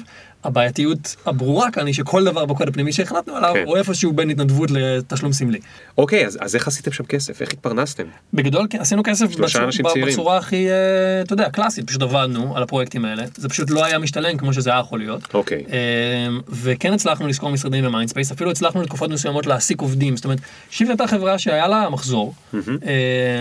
ועבדנו עם כל מיני פרויקטים, שאני חושב שהעיקר באמת היה תהליך הלמידה, הרבה פעמים ויתרנו, אני עצמי הרבה פעמים ויתרתי על כסף שהגיע לי, שאם הייתי במאי שלא הקים חברה משל עצמו שיש לה חזון, אלא פשוט בן אדם שעובד בתור פרילנסר עדיין, בחיים לא הייתי מקריב את השכר שלי, הייתי אומר, עשיתי את הדבר הזה, אני רוצה לקבל כסף. Okay. אבל אוקיי. במסגרת שיפט הייתי לפעמים מקבל החלטות הפוכות, הייתי אומר, אוקיי, אני עשיתי את החלק שלי בדבר, ומגיע לי כסף, אבל לטובת המערך הגדול יותר, אני יכול לקחת פחות, או אני יכול כאילו לחשבן את זה אחרת. כן. שזה גם משהו שאני חושב שכשאתה מתחיל להקים חברה או, או עסק, אתה מתחיל ללמוד שזה, אתה יודע, זה לא באמת, יש הבדל מאוד גדול בין להיות אה, בן אדם שמקבל כסף על גיג או להיות שכיר בחברה, לבין להיות הבן אדם שבסופו של דבר מחליט איך לחלק את הכל. החלוקת משאבים, הרבה פעמים לאו דווקא תעבוד לטובתך, נכון. ולטווח הארוך זה דווקא יכול מאוד לעבוד לטובתך.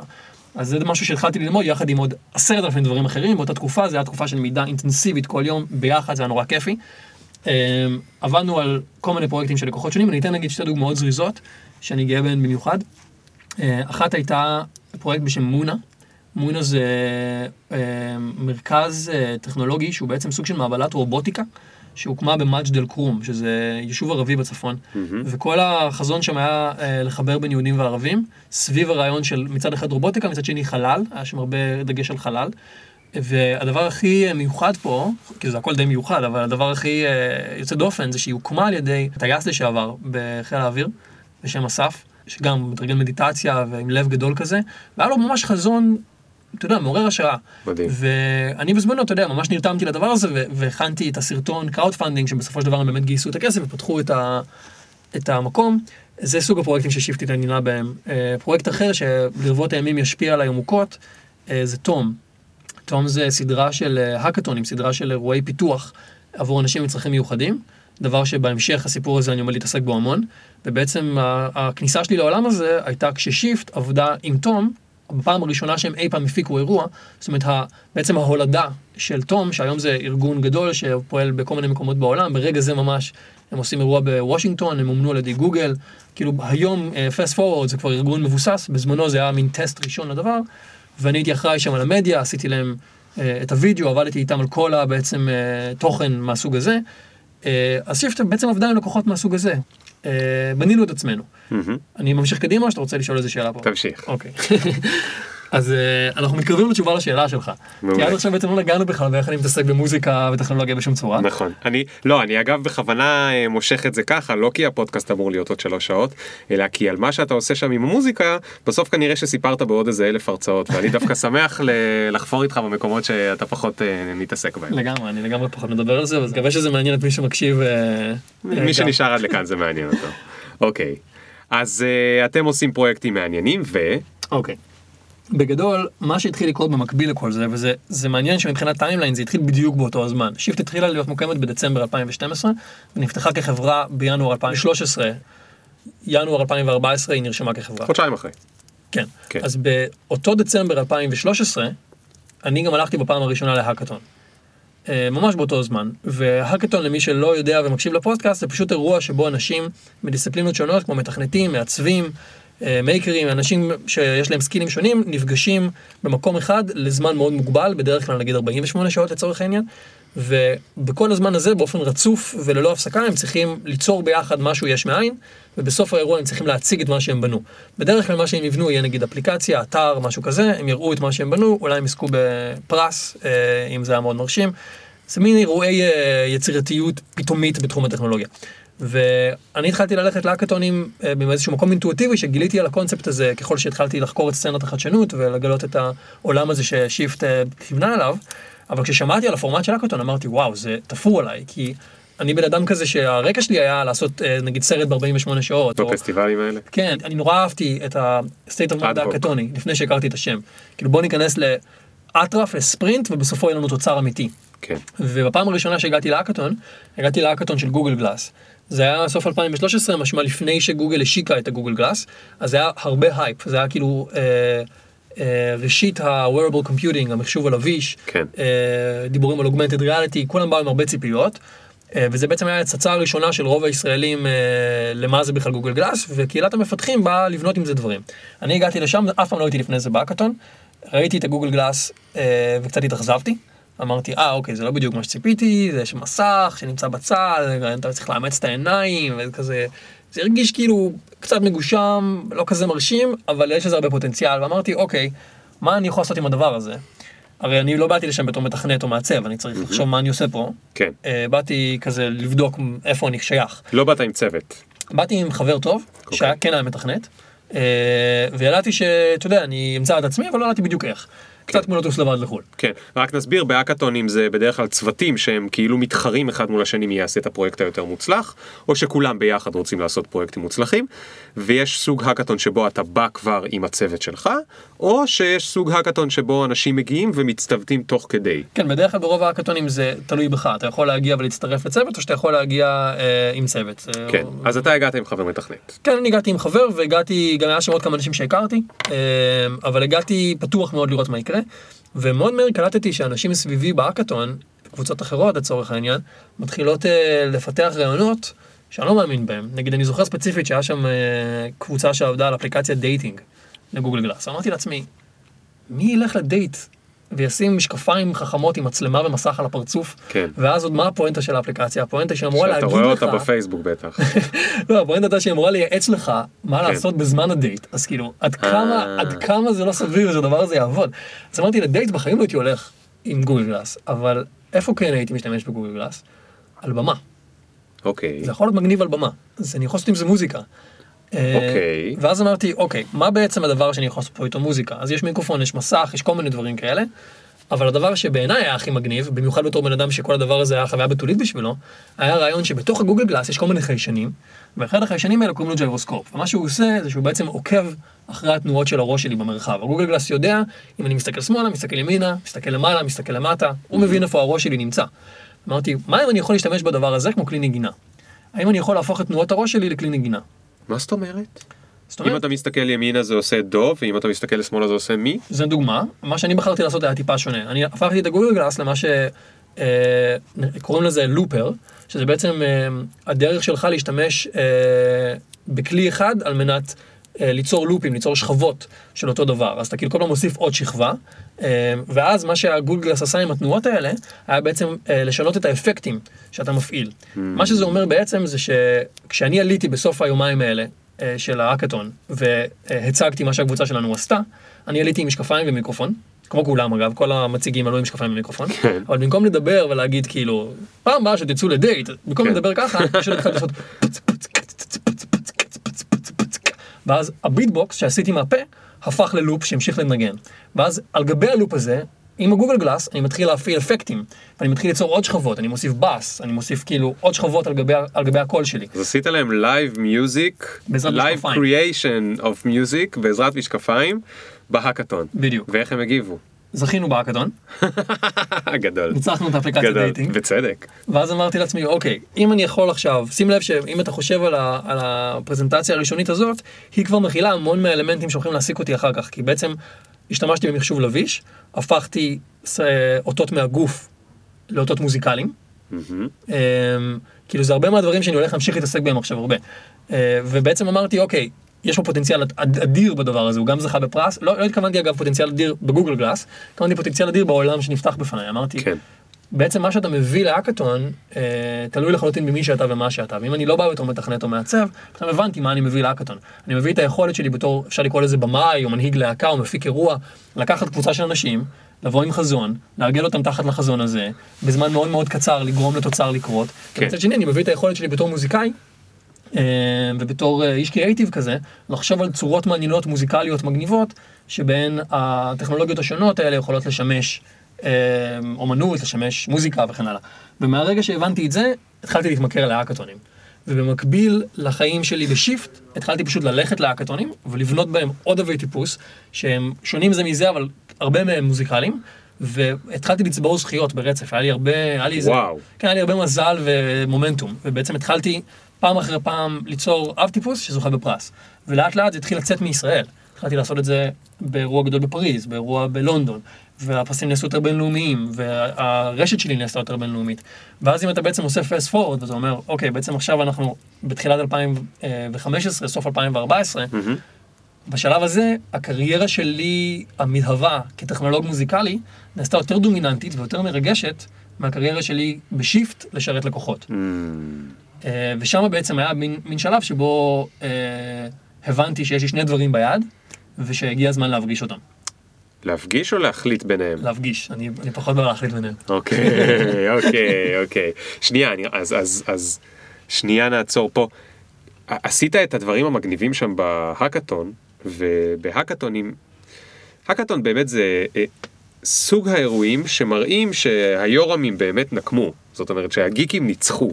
למה? כי הם באים לשם והם פשוט עושים דברים מגניבים, וההאקתונים הכי מגניבים זה דווקא לא ההאקתונים שבהם עושים עוד אפליקציה דייטינג, אלא זה האקתונים של makerים, שבהם לוקחים גיטרה ולגו ומיקסר ואני לא יודע מה, ובובת ברבי, וגורמים לה לקפוץ במקפצות וכולי.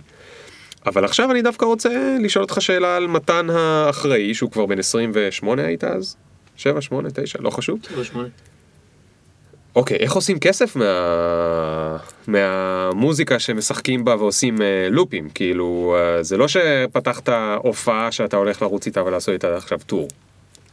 קודם כל זה, זה גם אה, בקלפים אה, בהמשך הסיפור, אבל באותו שלב באמת אה, אני חושב שהתפיסה שלי עד לנקודה בה עצרנו את הסיפור, הייתה שאני עושה את שיפט, וכל ה vibe הזה של האקתונים היה כמו סוג של תחביב שהולך יותר טוב משציפיתי, אוקיי. עד למידה בו הוא כבר התחיל ממש להתפוצץ. זאת אומרת, אוקיי. עשיתי את זה בשביל הכיף שלי, וראיתי מאוד מהר שאני מקבל עניין ממשקיעים, אה, ומקבל עניין סטארט-אפיסטי אפשר לקרוא לזה, אוקיי. דברים שאני מפתח, וששם יש איזשהו סוג של נתיב כלכלי פוטנציאלי, שבו אתה יכול להגיד, אוקיי, אני מקים חברה, אני מגייס כסף, והחלטתי לא לעשות את זה, אה, כי הבנתי שאתה יודע, הפוקוס שלי, כשיצאתי לדרך הזאת היה לי אימפקט דרך טכנולוגיה, ועם כל הכבוד, כאילו נגיד עשיתי כובע מוזיקלי, תרגמתי גלי מוח, תרגמתי לב, עשיתי כפפות, כל הדברים האלה היו נורא מגניבים, אבל לא היה בממד אמיתי של אימפקט. כאילו, כן. אתה יכול להצדיק פה אימפקט, אה, להפוך מוזיקה לנגישה יותר, ואתה יודע, משהו שמאפשר לאנשים לנגן, זה, זה, יש לזה אימפקט, אבל הדברים ששיפטי כמרה להתעסק בהם היו הרבה יותר עמוקים בעיניי. כן. ובחרתי לא להקים סטארט-אפ, ובאותו שלב ההכנסה שלי כן הגיעה מהעשייה שלנו בשיפט, בעוד הדבר הזה היה תחביבי. כן. אבל כן הגעתי אה, בנקודה שבה עצרתי, לנקודה בה באמת שניהם פתאום ראש בראש. בעיקר כי המקום של הטכנולוגיה המוזיקלית היה בו איזשהו מימד שקשה להתכחש אליו, קודם כל של באמת, של הצלחה, זאת אומרת זה, זה הצליח, זה הצליח יותר מהלקוח האחרון של שיפט, כי זה היה הרבה יותר קרוב לליבי, זה היה ממני, אה, וזה באמת התחיל להביא אותי לחו"ל ולבמות די רציניות. כן. ומצד שני, אה, בשיפט דברים גם השתנו, כאילו עם הזמן אה, נשארנו רק אני ואופיר, בלי ליונל, וכשאני ואופיר הגענו ל-2015, אז uh, בעצם החלטנו ביחד שהתוכנית המקורית הזאת של להתמקד במה שאנחנו רוצים לעשות is officially on, ואנחנו מפסיקים לעבוד עם לקוחות uh, כי אנחנו מוכנים להתמקד בפרויקט שלנו. ואז קרה דבר די מעניין. הבנו שהפרויקט שלנו הוא שני פרויקטים שאין ביניהם שום קשר. הוא היה מה, עם ה blockchains וה... אוקיי, אוקיי, למי שלא שמע, הפרק הראשון, נראה לדעתי בפודקאסט. אוקיי, איזה קטעים, איזה קטעים. אפילו לא חשבתי שהזמנתי אותך לדבר, אפילו לא- לא חשבתי שאנחנו נגיע לדבר על שיפט. זה מדהים. אז אין שום קשר בין הפרויקט שלו לבין הפרויקט שלך, ואז מה זה אומר? סוגרים? לא. אז ככה, אז קודם כל, נשארנו שניים, אה, ואמרנו, אוקיי, בואו ננסה, אני, אני ואופיר היינו שותפים מעולים, הסתדרנו ממש טוב, הבאנו הרבה ערך ללקוחות, היה לנו כיף ביחד, אמרנו בואו נעשה את שני הדברים. עכשיו, מה היו בעצם שני הרעיונות? לכל אחד מאיתנו היה רעיון. אה, שהוא היה פשנט לגביו, שהיה לו הרבה תשוקה לגביו. לאופיר היה את הרעיון של אה, להקים, בזמנו הצורה שזה תפס הייתה אקסלרטור לאפליקציות מבוזרות, בעיקר הוא רוצה להתעסק במטבעות אלטרנטיביים ובעתיד של האינטרנט כישות מבוזרת שאין לה מרכז ברור.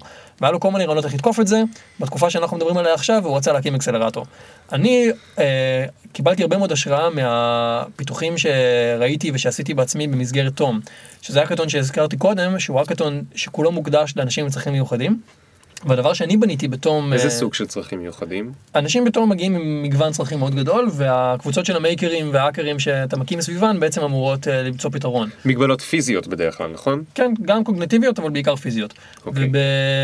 וב TOM הראשון, זה שאני עשיתי לו את הסרט, כעיקרון באתי במסגרת שיפט בשביל לעבוד ב TOM, כחלק מהצוות, אבל מאוד מהר, נראה לי כבר ביום הראשון, הצטרפתי לאחת הקבוצות, mm. שהייתה קבוצה שהשתמשה בטכנולוגיית EEG, שזו טכנולוגיה של קריאה אה, של פעילות חשמלית מוח. במוח. Okay. כן. וזו חברה ישראלית בשם ניורוסטיר, שהוקמה על ידי פרופסור בשם אה, נתן אינטרטור, והוא אה, ואני התחברנו באותו הקטון ראשון, סביב הרעיון של ליצור אה, כלי נגינה. שמשתמש בפידבק מהמוח בשביל לאפשר לאנשים אה, שלא יכולים לנגן לנגן.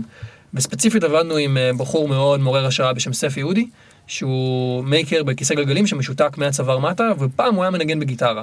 וספי רצה לחזור להביע את עצמו ולנגן, אבל לא היה לו איך, כי הוא לא יכול לזוז. ובעצם החלטנו אה, לפתח אה, דרך שלא לנגן בעזרת EEG. זכינו, הקבוצה הזאת זכתה בתום באיזשהו פרס, ומאותו רגע אני נעשיתי מאוד מאוד... אה, dedicated. אמ, כן, נסעתי, כאילו קיבלתי המון המון השראה ונפתח לי הלב והראש מהרעיון של להשתמש בדברים שאני מתעסק בהם באותה תקופה, טכנולוגיה מוזיקלית, בהקשר הזה. עשיתי עוד הגיע ה impact. בדיוק, בדיוק. עשיתי עוד כמה פרויקטים כאלה בעצמי, בלי context. עשיתי גם עוד משהו בתום וכן הלאה, אבל כשהגיע, כשהגיע הזמן אה, לעשות מה שאמרתי קודם, לאחד בין שתי הקריירות הפוטנציאליות שלי, אז שם מצאתי את המרכז. אמרתי, mm. אוקיי, מצד אחד אני מתעסק בטכנולוגיה, בטכנולוגיה מוזיקלית ובמה שנקרא rapid prototyping, ליצור דברים מהר, אני נעשיתי יותר ויותר טוב בזה. ומצד שני, אה, יש את העולם של האימפקט וה-innovation for purpose ששיפט מייצג. והאמצע היה בשבילי אירוע שהוא כולו מוקדש לפיתוח של טכנולוגיה מוזיקלית עבור אנשים עם צרכים מיוחדים. אוקיי. Okay. הוא בעצם לוקח אנשים שיש להם מגבלות שקשורות להבעה מוזיקלית, והוא בונה להם פתרונות שיאפשרו להם לנגן בצורות חדשות. מדהים. אמ, וזה מה שאני רציתי לעשות עם שיפט, בזמן שאופיר רצה לעשות את האקסלרטור של האפליקציות המבוזרות, ובהתחלה פשוט התחלנו ללכת ביחד לפגישות על זה ועל זה בו זמנית. פשוט כאילו, התחלנו לקדם את שני הדברים תחת חזרתם להיות מבולבלים. כן, אני לא יודע אם הפסקנו להיות מבולבלים, אבל uh, הפסקנו לעבוד עם לקוחות והתחלנו כאילו להתעסק יותר בפרויקטים שלנו, וזה היה התוצאה. ודי מהר, כי אנחנו כן אנשים... Uh, אופיר ואני יש לנו מערכת יחסים uh, בוגרת וכנה, די מהר הגענו למצב שאנחנו אומרים, טוב, זה לא באמת הגיוני. זה לא עובד. ואדרבה, אחד הלקוחות שהיו לשיפט באותה תקופה, בתקופה שבה התחלנו כאילו לעבור הלאה מלקוחות, היה לנו אה, סטארט-אפ שעבדנו איתו, שבעצם מתעסק במטבעות וירטואליים ובניהול קהילה אינטרנטי, והוא היה לו כל מיני רעיונות מבוזרים שכאלה, שאופיר נורא אהב, והם הציעו לו להצטרף לסטארט-אפ mm, שלהם. Okay. הוא אמר, אוקיי. תקשיב, מה שאני חושב לעשות, אה, הוא מאוד אה, מתקשר למה שהם עושים, וזו הזדמנות בשבילי להצטרף לצוות שעושה את זה. ומה שאני רציתי לעשות כמתן היה מאוד uh, מבחינתי האבולוציה של שיפט כחברה, כן. מה שתכננתי כל הזמן לעשות. וזה היה די קל להגיע למסקנה שהוא יצטרף לחברה אחרת ואני אשאר בשיפט. נחמד. בעצם עד היום אני, אני ה founder של שיפט, החברה עדיין קיימת וזה רק אני כאילו בראשה כרגע. אני רוצה, אני רוצה להגיד משהו שהוא מאוד מאוד חשוב כאן. אה, אני עכשיו יש, אני עכשיו אחד ה-co-founders בניו סקול. יש איתי את אייל ואת רן. ולפני זה הייתי בסטארט-אפ אחר, שם לא הייתי המנכ"ל, הייתי ה-CTO. ואנשים שהם יזמים, הרבה מאוד פעמים, יש להם עוד passions. אבל לא תמיד. ולא לכולם. והרבה פעמים קורה שחלק מהשותפים בחברה, יש להם עוד תשוקות. ומי שאיתם בחברה, כל עוד הוא יודע להעריך ולקבל את זה באהבה, הוא דוחף אותם להמשיך לממש את התשוקות שלהם, הוא מבין שזה פשוט משהו שהם צריכים לעשות. כמובן באחריות הרגילה, אם היית עושה רק את ההאקתונים האלה וזורק לעזאזל את שיפט ולא מגיע לשום דבר ולא עושה שום דבר עם אף לקוח, אז כנראה שלא היו סובלים אותך ובצדק, אבל כל עוד המשכת לעשות את שיפט, אבל גם התקדמת נורא בעולם חדש, השותפים שלך פרגנו לך ונתנו לך לעשות את זה, וזה לא כל כך קל. ו... מה, מה שאני למדתי מהסיפור הזה, זה שיותר טוב בחברה שכל השותפים הם או מהסוג שבאמת, אם הם עושים את הסטארט-אפ הם עושים 100% את הסטארט-אפ, או שמהסוג של עושים את הסטארט-אפ נגיד 70-80 אחוז, אבל יש להם גם את ה-20 אחוז עם איזשהו passion שלהם. כי אז הדברים קורים הרבה יותר בקלות. נגיד, אתה סיפרת עכשיו סיפור שבו התחלתם שלושה שותפים, המשכתם שני שותפים, המשכתם שותף אחד, קרו לכם דברים מטורפים, אבל לא היו, ויכול להיות אגב, ודווקא על זה אני לא, לא, לא כל כך אשאל אותך עכשיו כי זה פחות מעניין אותי, אבל לא היו שם דרמות ענקיות, אולי היו דרמות קטנות, וכמובן זה שינויים, ו, ו, ו, ו, ו, וזה אף פעם לא עובר ממש חלק, אבל הכוכבים הסתדרו, אבל הם הסתדרו גם כי כל אחד דווקא עוד יותר התקרב למה שהוא באמת רוצה לעשות. וזה משהו שהוא מאוד מאוד חשוב. זה לא שאני אומר שכל אחד צריך שיהיה לו עוד passion בנוסף למה שהוא עושה בחברה. המסקנה שלי מכל מה שאני מנסה להגיד זה שכדאי לך למצוא שותפים שהם כמוך במובן הזה. זאת אומרת שאם יש לך שותף שהוא, אתה מרגיש שהוא 20% בחברה ו-80% אה, לא יודע, משחק בכל מיני דברים אחרים, ואתה לא כזה, לא כדאי לך להקים איתו חברה, פשוט בגלל שאתה כל הזמן תהיה מתוסכל שמה הוא עושה את כל הדברים האלה. ואם אתה זה שאוהב לעשות הרבה דברים אחרים וגם רוצה להקים חברה, כדאי לך לדאוג שהשותפים שלך יהיו גם כאלה, אחרת אתה כל הזמן תרגיש רגשות אשמה, כאילו אני לא מספיק ב... בזה. אז זו הייתה הערת צד. זה ממש מעניין, אני רוצה לפני שעוברים הלאה להגיד שני דברים בהקשר הזה, כי זה היה מאוד אה, רהוט ונוגע. היו שני דברים שבעיניי הם רלוונטיים פה. הראשון זה ששיפט, יותר משהיא הייתה סטארט-אפ או איזושהי חברה קונבנציונלית עם מוצר, הייתה בעצם התהליך למידה של שלושה אנשים. וכשאתה נכנס לתהליך למידה עם עוד שני אנשים, אתה בעצם יוצא מנקודת הנחה שהדברים האלה יקרו. אתה יוצא מנקודת הנחה שאתם הולכים ביחד לעבור טרנספורמציות ולהשתנות, וזה בעצם הסיבה שאתה עושה את זה. כן. לא עשינו את זה בשביל אקזיט ולא עשינו את זה בשביל לבנות את הפתרון הכי חכם למניעת X. מה שעשינו היה בעצם להיכנס ביחד לתהליך של המצאה מחדש של עצמנו, ומאוד תמכנו אחד בשני במסע הזה. אז למרות שהיו רגעים מורכבים, אה, והיה, לא יודע אם דרמות ענקיות, אבל בהחלט היה דברים שרגשית היו מורכבים, עשינו את זה עם המון... אה, כבוד הדדי וחברות, כי, כי זה היה סוג של המחויבות הבסיסית שעשינו אחד מול השני, יותר מכל דבר אחר, זה היה כן. הבחירה ללמוד ולצמוח ביחד. והדבר השני שאמרת שנגע בי זה שדווקא, מה שהיה מעניין עם אופיר ספציפית, זה שאופיר הוא מאוד uh, מהסוג הזה שכאילו הוא מאוד tunnel vision, הוא נכנס uh, 110 אחוז לדבר האחד שאמרנו שאנחנו עושים, mm-hmm. וכמעט לא מסתכל שמאלה ימינה. אה, לפחות בתקופה ההיא, היום אתה יודע, גם הוא ממשיך לצמוח ולהשתנות, אבל אני כן זוכר שבאמת הדבר הזה היה מעלה הרבה שאלות, כאילו בסופו של דבר אני כן עשיתי עוד מלא מלא דברים, וזה היה משהו שהיה מפחיד אותו. אה, ואתה צודק שהרבה פעמים הפרופיל הפסיכולוגי של שותפים צריך להיות כזה שמאפשר את זה, ומצד שני, אני לא יודע אם העצה שלי הייתה שעדיף לך למצוא רק אנשים כאלה, כי לכל חברה צריך להיות לפחות פאונדר אחד שעושה רק את זה, ושחי ונושם את הדבר הזה כל הזמן. כן. ואולי זה לא נכון, אבל זה נורא תלוי מה החברה עושה ומה לאן היא מכוונת. כאילו יש כן. דברים שקשה לי מאוד להאמין שיגיעו לטופ, אלא אם בן אדם אחד לפחות בהנהלה של הדבר הזה, נכון. לא מסתכל, אני, לא אגב, אני. אגב רואה את זה אחרת, אני חושב שצריך להסתכל קודם כל על מי הם השותפים, ואז להבין מה החברה יכולה לעשות. זאת אומרת, אסור להגיד, אנחנו חברה של אנשים שלא רוצים לעבוד 19 שעות ביום, על מוצר שדורש מאנשים במשך שלוש שנים לעבוד 19 שעות ביום. כי. פשוט לא יעבוד. מוצרי אה, פיטר טיל והספר שלו שאני לא אוהב, Zero to One, אבל זה שיחה אחרת. אוקיי, אז מה היום אתה עושה? אז היום אתה עושה... רגע, האמת שהיום זה ממש, אני רוצה לסיים את השאלה המקורית שלך, כי היום זה כבר, אה, אוקיי. אני לא יודע אם יש לנו זמן. אוקיי. מוזמן- יש לנו עוד כמה דקות. אנחנו אוקיי. עוד כמה דקות מסיימים. אוקיי, אני יכול להיות שצריך לערוך את זה אחר כך. לא. אה, אז בגדול ככה, בוא, בוא נוריד שנייה קדימה. מה שקרה זה שאני באמת הפקתי את האירוע הזה, קוראים לו דיסקוטק. אה, עשיתי אותו ביחד עם אה, עמותה בשם Imagine, שזו עמותה שמתעסקת בחינוך מוזיקלי לאנשים עם צרכים מיוחדים. עמותה ישראלית מדהימה. ו-Shift ו-Imagine הפיקו ביחד אירוע בשם דיסקוטק. דיסקוטק זה אה, ראשי תיבות כביכול של Disability Community Technology, וזה האירוע הראשון מסוגו בעולם שבו פיתחנו עבי טיפוס עובדים לאנשים עם צרכים מיוחדים לנגן מוזיקה. מדהים. אה, האירוע היה מוצלח, אה, אנשים באמת בנו דברים שעבדו, ואנשים עם אה, מוגבלויות שונות אה, ניגנו והביעו את עצמם בצורות חדשות, ואז אחרי שכל זה הסתיים, ועכשיו אני בעצם לבד בשיפט בלי לקוחות עם הפרויקט הגדול הזה שהפקתי, אה, יצאתי איכשהו בצורה מאוד אורגנית האמת, אה, פשוט מהזמנות שקיבלתי, אה, לסוג של טור, או לסוג של מסע הופעות, בתור, אה, בהתחלה בתור public speaker, בתור דובר.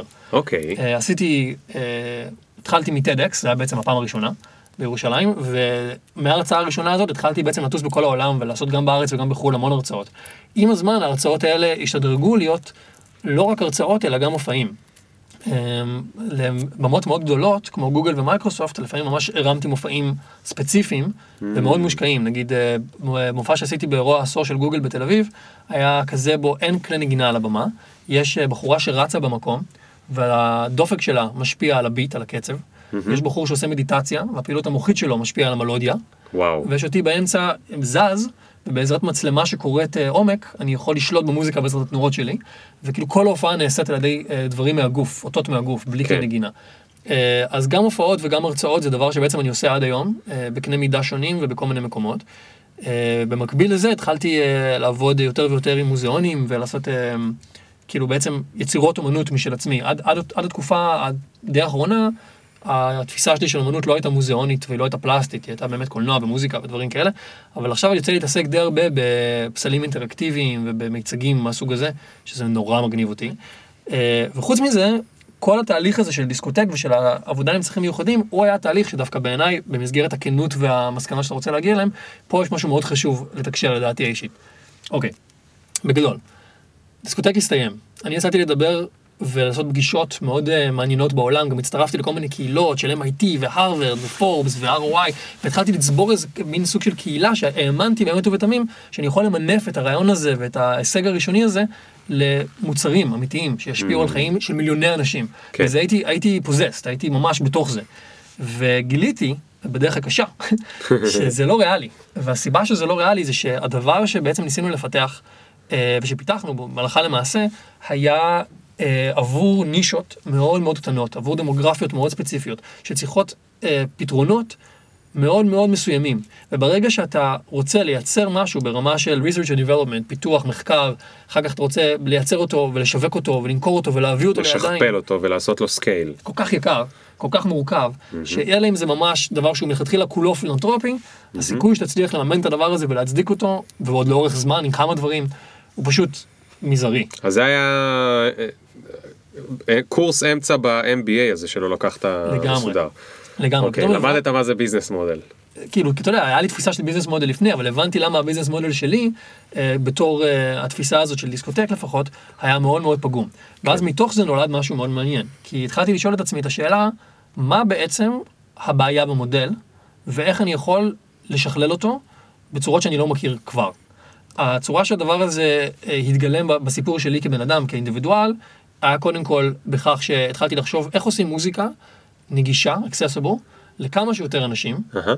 אה, בין אם הם בריאים, בין אם הם עם צרכים מיוחדים, בין אם הם צעירים, בין אם הם מבוגרים, בין אם הם יודעים לנגן ובין אם בחיים לא ניגנו. איך אני בעצם מביא את הפתרון לכמה שיותר אנשים. כן. והתשובה הפכה לאב טיפוס גם, שבעצם הוא, אה, קוראים לו איירסטרומנט, והוא מאפשר לנגן בעזרת תנועות ידיים במרחב. והאב טיפוס הזה זכה בפרס בשוודיה, אחר כך התקבל לאינקובטור של האיחוד האירופי, ובסופו של דבר הפך לסוג של אלפא כזאת, אה, בסוף האינקובציה, לבאמת כלי נגינה, שאיתו אני מופיע עכשיו על במות אה, בארץ ובחו"ל, אה, שמאפשר לך לנגן עם תנועות ידיים. עכשיו, בהנחה שבן אדם יכול לשמוע, מה זה עם תנועות ידיים? זאת אומרת, אין כלי. הכלי הוא לביש, אתה שם אותו על היד, אה, אוקיי. הוא לא מצלמה שאתה שם מולך, הוא משהו שאתה ממש לובש, יש לך איזה וידאו, אני אשים לינק ב... אוקיי. והרעיון הוא בעצם, אתה יודע, לאפשר לכל מי שמסוגל להזיז את היד ולשמוע, להביע את עצמו מוזיקלית, אבל ה- הטוויסט פה הוא שבמקום להפוך את זה לצעצוע, שאתה מזיז את היד ועושה מוזיקה, או להפוך את זה לכלי סופר משוכלל, שאם אתה לא יודע מוזיקה ולא להשתמש בתוכנות מוזיקליות, אין לך מה לחפש איתו, ניסיתי נורא לכוון לאיזשהו אמצע, בו אתה יכול בעצם לקחת את הכלי הזה, ומאוד מהר להתחיל להשתפר וללמוד. אוקיי. בעזרה, בעזרת דברים מאוד אינטואיטיביים. אז את האלפא הזה פיתחתי אה, עם אה, מתכנת אה, מבריק בשם רונן פרי וסיימנו את האינקובציה וכאילו בגדול גם זה הגיע לאיזו סיטואציה בה כבר נפגשתי עם משקיעים ויש אנשים שמעוניינים להפוך את זה לסטארט-אפ מכל מיני כיוונים ואני לאו דווקא ממהר להפוך את זה לסטארט-אפ. אני רואה את הפוטנציאל של זה כסטארט-אפ אבל מה שמעניין אותי אם לחזור שנייה משפטים אחורה זה המודל. מה הבעייתיות במודל ואיך אפשר לפתור אותו. כן. והבנתי שהמודל הוא שמצד אחד אני מאוד מאמין ב-rapid innovation ביכולת ליצור חדשנות מהר. ומצד שני אתה אומר, אוקיי, אם אנחנו נשארים במסגרת הקטונית, כמו דיסקוטק, כמו תום, כמו האקתון של גוגל גלאס, אני בתור בן אדם שגם זכה בהאקתונים, גם שפט האקתונים, גם הפיק האקתונים, אני מכיר האקתונים, כמעט שום דבר לא ממשיך והופך לחברה או למוצר אמיתי, נכון. כמעט אף פעם. זה אינהרנטית, יש בעיה בסיסית במודל של האקתונים, לאיך אתה יכול בבת אחת ליצור משהו שיכול לקחת חודשים או שנים בדרך כלל ליצור אותו, ואז לא להמשיך אותו, כשבסיטואציה אחרת הוא בטוח היה ממשיך. כן. יש פה בעייתיות, ואני נעשיתי מאוד מאוד אה, מעוניין באיך פותרים את הדבר הזה. והגלגול הנוכחי של שיפט, שכבר מערב עוד אנשים, כולל אנשים מארצות הברית ו- וגופים חדשים במשחק, כולו בעצם מתמקד על לפתור את השאלה הזאת. איך אתה יכול לקחת את הדברים הטובים ממודל של האקתון, שמאפשרים rapid innovation, חדשנות פתאומית מעשית ומיידית, ומצד שני, לבנות את זה ככה שיהיה לזה המשכיות ויש לזה את הפוטנציאל האמיתי להפוך לחברות ומוצרים. וה... תקשיב, אני לא מאמין לך. אתה יודע שיש פודקאסט שהוקלט בחדר הזה, שראיין אותי שגיא שרייבר, יש לו פודקאסט שנקרא טיול עם הכלב. שגיא הוא מעצב וזה, ויש לו חברה חדשה, הוא עבד ב SimilarWeb, ועכשיו פתח את Hacking UI, לא חשוב. הוא ראיין אותי על רעיונות, מה עושים עם רעיונות וולידציה של רעיונות, והכותרת שם של הפודקאסט או משהו כזה הייתה, אה, למה ליאור חושב שהאקתונים זה חרא. והסיבה שאמרתי לו שאני חושב שהאקתונים זה חרא, זה שמביאים כל מיני אנשים, ואני גם הייתי בזמנו מכור להאקתונים, מביאים כל מיני אנשים, אומרים להם יאללה תעשו כל מיני דברים מגניבים, אבל הדבר האחרון שמישהו אי פעם מדבר עליו זה או ולידציה, או ביזנס מודל, כאילו לא מדברים לא על ולידציה ולא על ביזנס מודל, אז כולם באים, אוכלים פיצות, שותים בירה, פעם ב- יש איזה מתן כזה שהולך ועושה מזה פרסים וקריירה, אבל רוב הפעמים לא, וזהו, ולא יוצא מזה כלום. בעוד יכל להיות משהו מטורף, כי יש שם המון מוחות שמוכנים לעבוד 48 שעות ולייצר משהו מקסים, אבל אין להם את הזה, אז אני, אני לא מאמין שאתה מתעסק בזה, טוב שהפגשנו. יכול להיות הזה הוא באמת השאלה, איך אתה עושה את זה, ומה כן. הבעייתיות במודל, אבל בוא, כן. לא, לא נחפור בזה, אני עכשיו, אני נכון. לשאלה שלך שמה קורה עכשיו. כן. אז אוקיי, אז מה שקורה עכשיו בסיום אה, קצר, זה שבגדול אני מפתח את שיפט למודל הזה, יש לי שותפים חדשים שאני לא קורא להם אה, רשמית שותפים, אבל הם הופכים ליותר ויותר אה, מעורבים, וזה נורא מרגש אותי, אחרי המון זמן שאני לבד. כן. חיי היוזם הבודד הם, הם בודדים. אבל מהצד השני יש... Uh, הרבה התעסקות בפרויקטים שהגיעו אליי כרגע שמעניינים אותי. הראשון זה, אם אתם מכירים, uh, הצופים בבית, המאזינים במחשב, אה, יש גוף בשם XPRIZE, שהוא בעצם אה, סוג של האי נימה של השיפט, זה גוף שממומן על ידי אה, גופים כמו גוגל, אה, אילון מאסק, ביל גייטס מעורבים בו, ובעצם הרעיון בגוף הזה זה שהם מנסים לפתור את האתגרים הגלובליים הכי גדולים. אה, כמו החברה הישראלית Space.il, שמנסה להגיע לחלל, הוקמה בשביל לנצח, לזכות ב XPRIZE של החלל. כן. אז אני הצטרפתי לקבוצה של ה XPRIZE שמתעסקת ב affordable housing, במצוקת הדיור, בכל הרעיון של איך לפתור את בעיית הדיור בעולם. Mm-hmm. ואני כאילו ה creative director, אני אמור להיות הראש היצירתי שעוזר להנגיש את כל התכנים והתוכניות האלה. אה, אז אני עוד מעט טס ללוס אנג'לס לעבוד בפרויקט מאוד גדול בשבילם. איזה כיף לך. אה, כן, מרגש מאוד, וזה גם באמת המקום שבו שיפט כחברה וכחזון ממש מקבלת סוג של קונטקסט גדול וחזק בהרבה. שאנחנו רק נעזור לו, אבל זה מאוד, מאוד אמיתי בעיניי ומרגש, כאילו אימפקט אמיתי בפוטנציה. והדבר השני הוא פרויקט באמת כרגיל, אימפקט ואומנות, הוא פרויקט אומנותי לחלוטין, שאני וחבר שלי ניר אה, המצאנו ביחד בנסיעה מירושלים לתל אביב, שזה בעצם רעיון של לחבר אה, עצים שנמצאים בערים שונות במדינות שונות בעולם, אחד לשני. ואז בעצם ליצור רשת של עצים אינטראקטיביים, בעזרתם אתה ואני יכולים להיות במקומות שונים בעולם ולתקשר דרך עץ. שהתקשורת בינינו היא לא ורבלית, זאת אומרת זה לא אני צועק לך דרך העץ שאתה מניאק ואתה צועק עליי שאני גזען, אלא אנחנו משתמשים בעץ דרך אה, תנועה, אורות וסאונד, בשביל לייצר אינטראקציה בין אנשים במקומות שונים. וקיבלנו עכשיו אה, מימון אה, משוודיה, אנחנו עושים פיילוט שיקרה בסטוקהולם ותל אביב. וואו. ואם זה יעבוד טוב, אז כבר התחלתי, כי אני טס הרבה בתור דובר ומופיע, התחלתי כבר לשים אה, זרעים ראשונים. לתפוס עצים. כן, במקומות. אוקיי, אנחנו ממש תכף מסיימים, נשארו לי ממש שאלות אחרונות לשאול אותך. לא. אוקיי, דבר אחד, ממה אתה עושה כסף היום? איך הכסף, אתה מתפרנס? רוב הכסף שלי מגיע כרגע מהרצאות הופעות. אה, פרויקטים שלפעמים יש להם תקציב, כמו נגיד העצים, mm-hmm. אה, וייעוץ, זה רוב ההכנסה שלי, ואף פעם לא הפסקתי אה, להפיק מסיבות ופסטיבלים, זה אמנם לחלוטין תחביב שאני עושה כשיש לי זמן לזה, אבל לי ולאשתי יש ביחד לייבל בשם יוניברסל יוניקורן, שגם משחרר אלבומים וגם עושה אירועים, וגם הוא אה, יכול... אה... להכניס מדי פעם. אוקיי, שאלה שנייה, הפחדים שלך הם בלילה או בבוקר? זה לפני השנה או כשאתה מתעורר ב... על הבוקר? אה, בבוקר. בבוקר? כן. ואז באיזה סגנון הם? אצלי נגיד זה בלופים, כאילו יש לי נגיד איזה מחשבה מעיקה, והיא... עד שאני קם מהמיטה היא לא מפסיקה, והיא לא מתקדמת לשום מקום. אני חושב שזו שאלה מעניינת, זה למה התמהמהתי רגע. הפחדים שלי בתקופה שבה הקמתי את שיפט היו פחדים בלילה. שבהם הייתי הולך לישון ואומר, מה אני עושה בעצם? מה אני עושה? ומתוך זה יצאתי למסע שאני נמצא בו כרגע, ופחות יש לי את זה בלילות. עכשיו, הרבה פעמים אני קם בבוקר ואני אומר, איך אני אעשה את זה? זה משהו אחר, אתה קם ואתה כאילו, אתה יודע, אני גם נוטה לקחת על עצמי, כמו שאולי עבר בכמה דקות האחרונות, הרבה דברים בו זמנית, כן. ויש לי הרבה פעמים juggling אה, מאוד אה, תובעני בין הרבה טיסות, פגישות, פרויקטים, מטלות, דדליינים.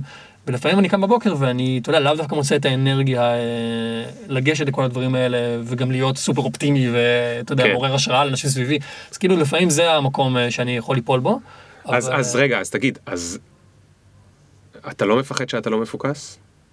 אה, אם, אם יש לי פחד זה כנראה זה, אני לא- לפני ממש מעט זמן נעשיתי בן 30, וההחלטה שלי לקראת גיל 30 הייתה להתפקס ולבחור. אתה צוחק עליי, אבל... אה, לא, אני מזדהה. כן, כאילו אמרתי, טוב, הגיע הזמן, אתה יודע, אתה רץ הרבה דברים במקביל והכל מתקדם, אבל בשביל שמשהו יגיע עד הסוף לגמרי, צריך לבחור.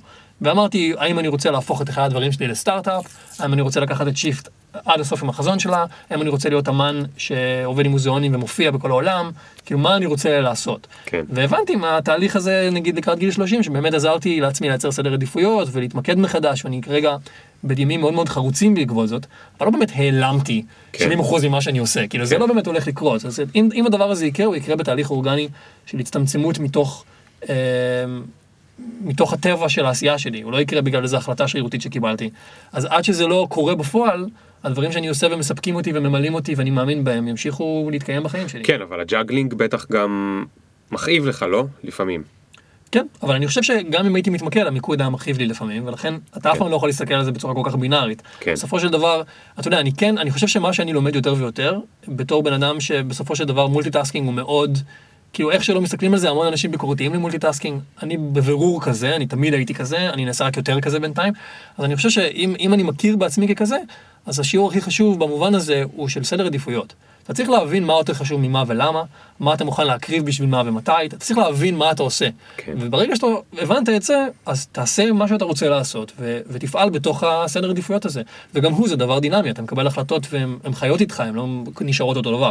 אבל אני כן חושב שאני משתפר בזה, כאילו ה- היכולת שלי להגיד שאני אעשה משהו ואז לעשות אותו, ולקבוע לעצמי דדליין ולעמוד בו, היא יכולת ברורה שאני, שאני מאוד אה, ביקורתי אליה ומודע אליה. אני לא הופך אותה לאיזשהו משהו שמתמסמס בגלל juggling. כן. וכשזה כשזה קורה, זה הזמן באמת למזער דברים. כאילו, כן, לא אז, מצליח. אז, אז זה skill, זה skill שאתה התאמנת בו, התאמנת לעשות כמה דברים במקביל ולהבין איך לעשות להם prioritize ואיך אה, להבין מה לעשות מתי ואתה כאילו משתפר בזה כל הזמן, זה מה שאתה אומר. כן, אני חושב שהרבה מזה קשור, תגיד לי אם אתה מסכים איתי, אני חושב שהרבה מזה קשור ללמוד שאתה יכול אה, להציל סמכויות, ושאתה יכול אה, באיזשהו מקום לנהל או לקדם דברים, גם בלי להיות כל הזמן אה, לחלוטין hands on, שזה לא הייתה הנטייה שלי. כאילו כן. בתור גם קולנוען וגם מוזיקאי רציתי לדעת לעשות הכל. כאילו רציתי לדעת לנגן על כל הכלים, למקסס, להפיק, לכתוב את התסריט, לצלם, לערוך, הכל. ובאמת הייתי כזה באומנות. אבל כשהגעתי ליזמות, בהתחלה חשבתי, מה, אני עכשיו אלמד מלא שפות תכנות ולעשות SEO ולעשות ראיית חשבון, וכאילו, אני אדע לעשות את כל הדברים האלה בעצמי. הטבע שלי חשב שכן, ומאוד מהר הבנתי שזה לא הדרך להשיג כלום, ושכל הזמן שאני אקדיש עכשיו ללהיות מאוד ממוצע ומטה ב-12,000 דברים, זה זמן שבו אני יכול לקדם רעיונות גדולים בצורה מאוד ברורה, אם כן. אני מוצא את האנשים הנכונים ואת התנאים שבהם הכל מתקדם. אוקיי, שאלה אחרונה. אתה עכשיו במטוס, שאלת המטוס, אה, אתה עכשיו במטוס, המטוס מתחיל לרעוד בטירוף, ככה לרעוד בטירוף, אתה מת מפחד, האלה כבר המסכות חמצן נופלות, אתה מבין שאתה הולך להתרסק. מה המחשבה האחרונה שלך? תודה. גדול. עם זה אנחנו נסיים, זה היה אדיר, לא ראיתם פה את הכיף הגדול ש... שנתן לי מתן.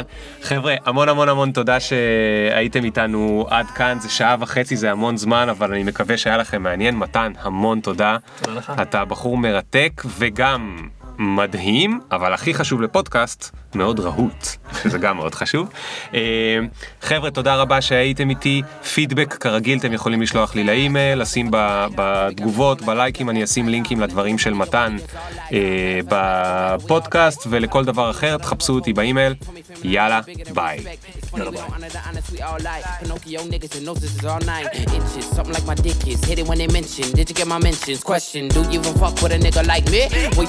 In about three days? Really?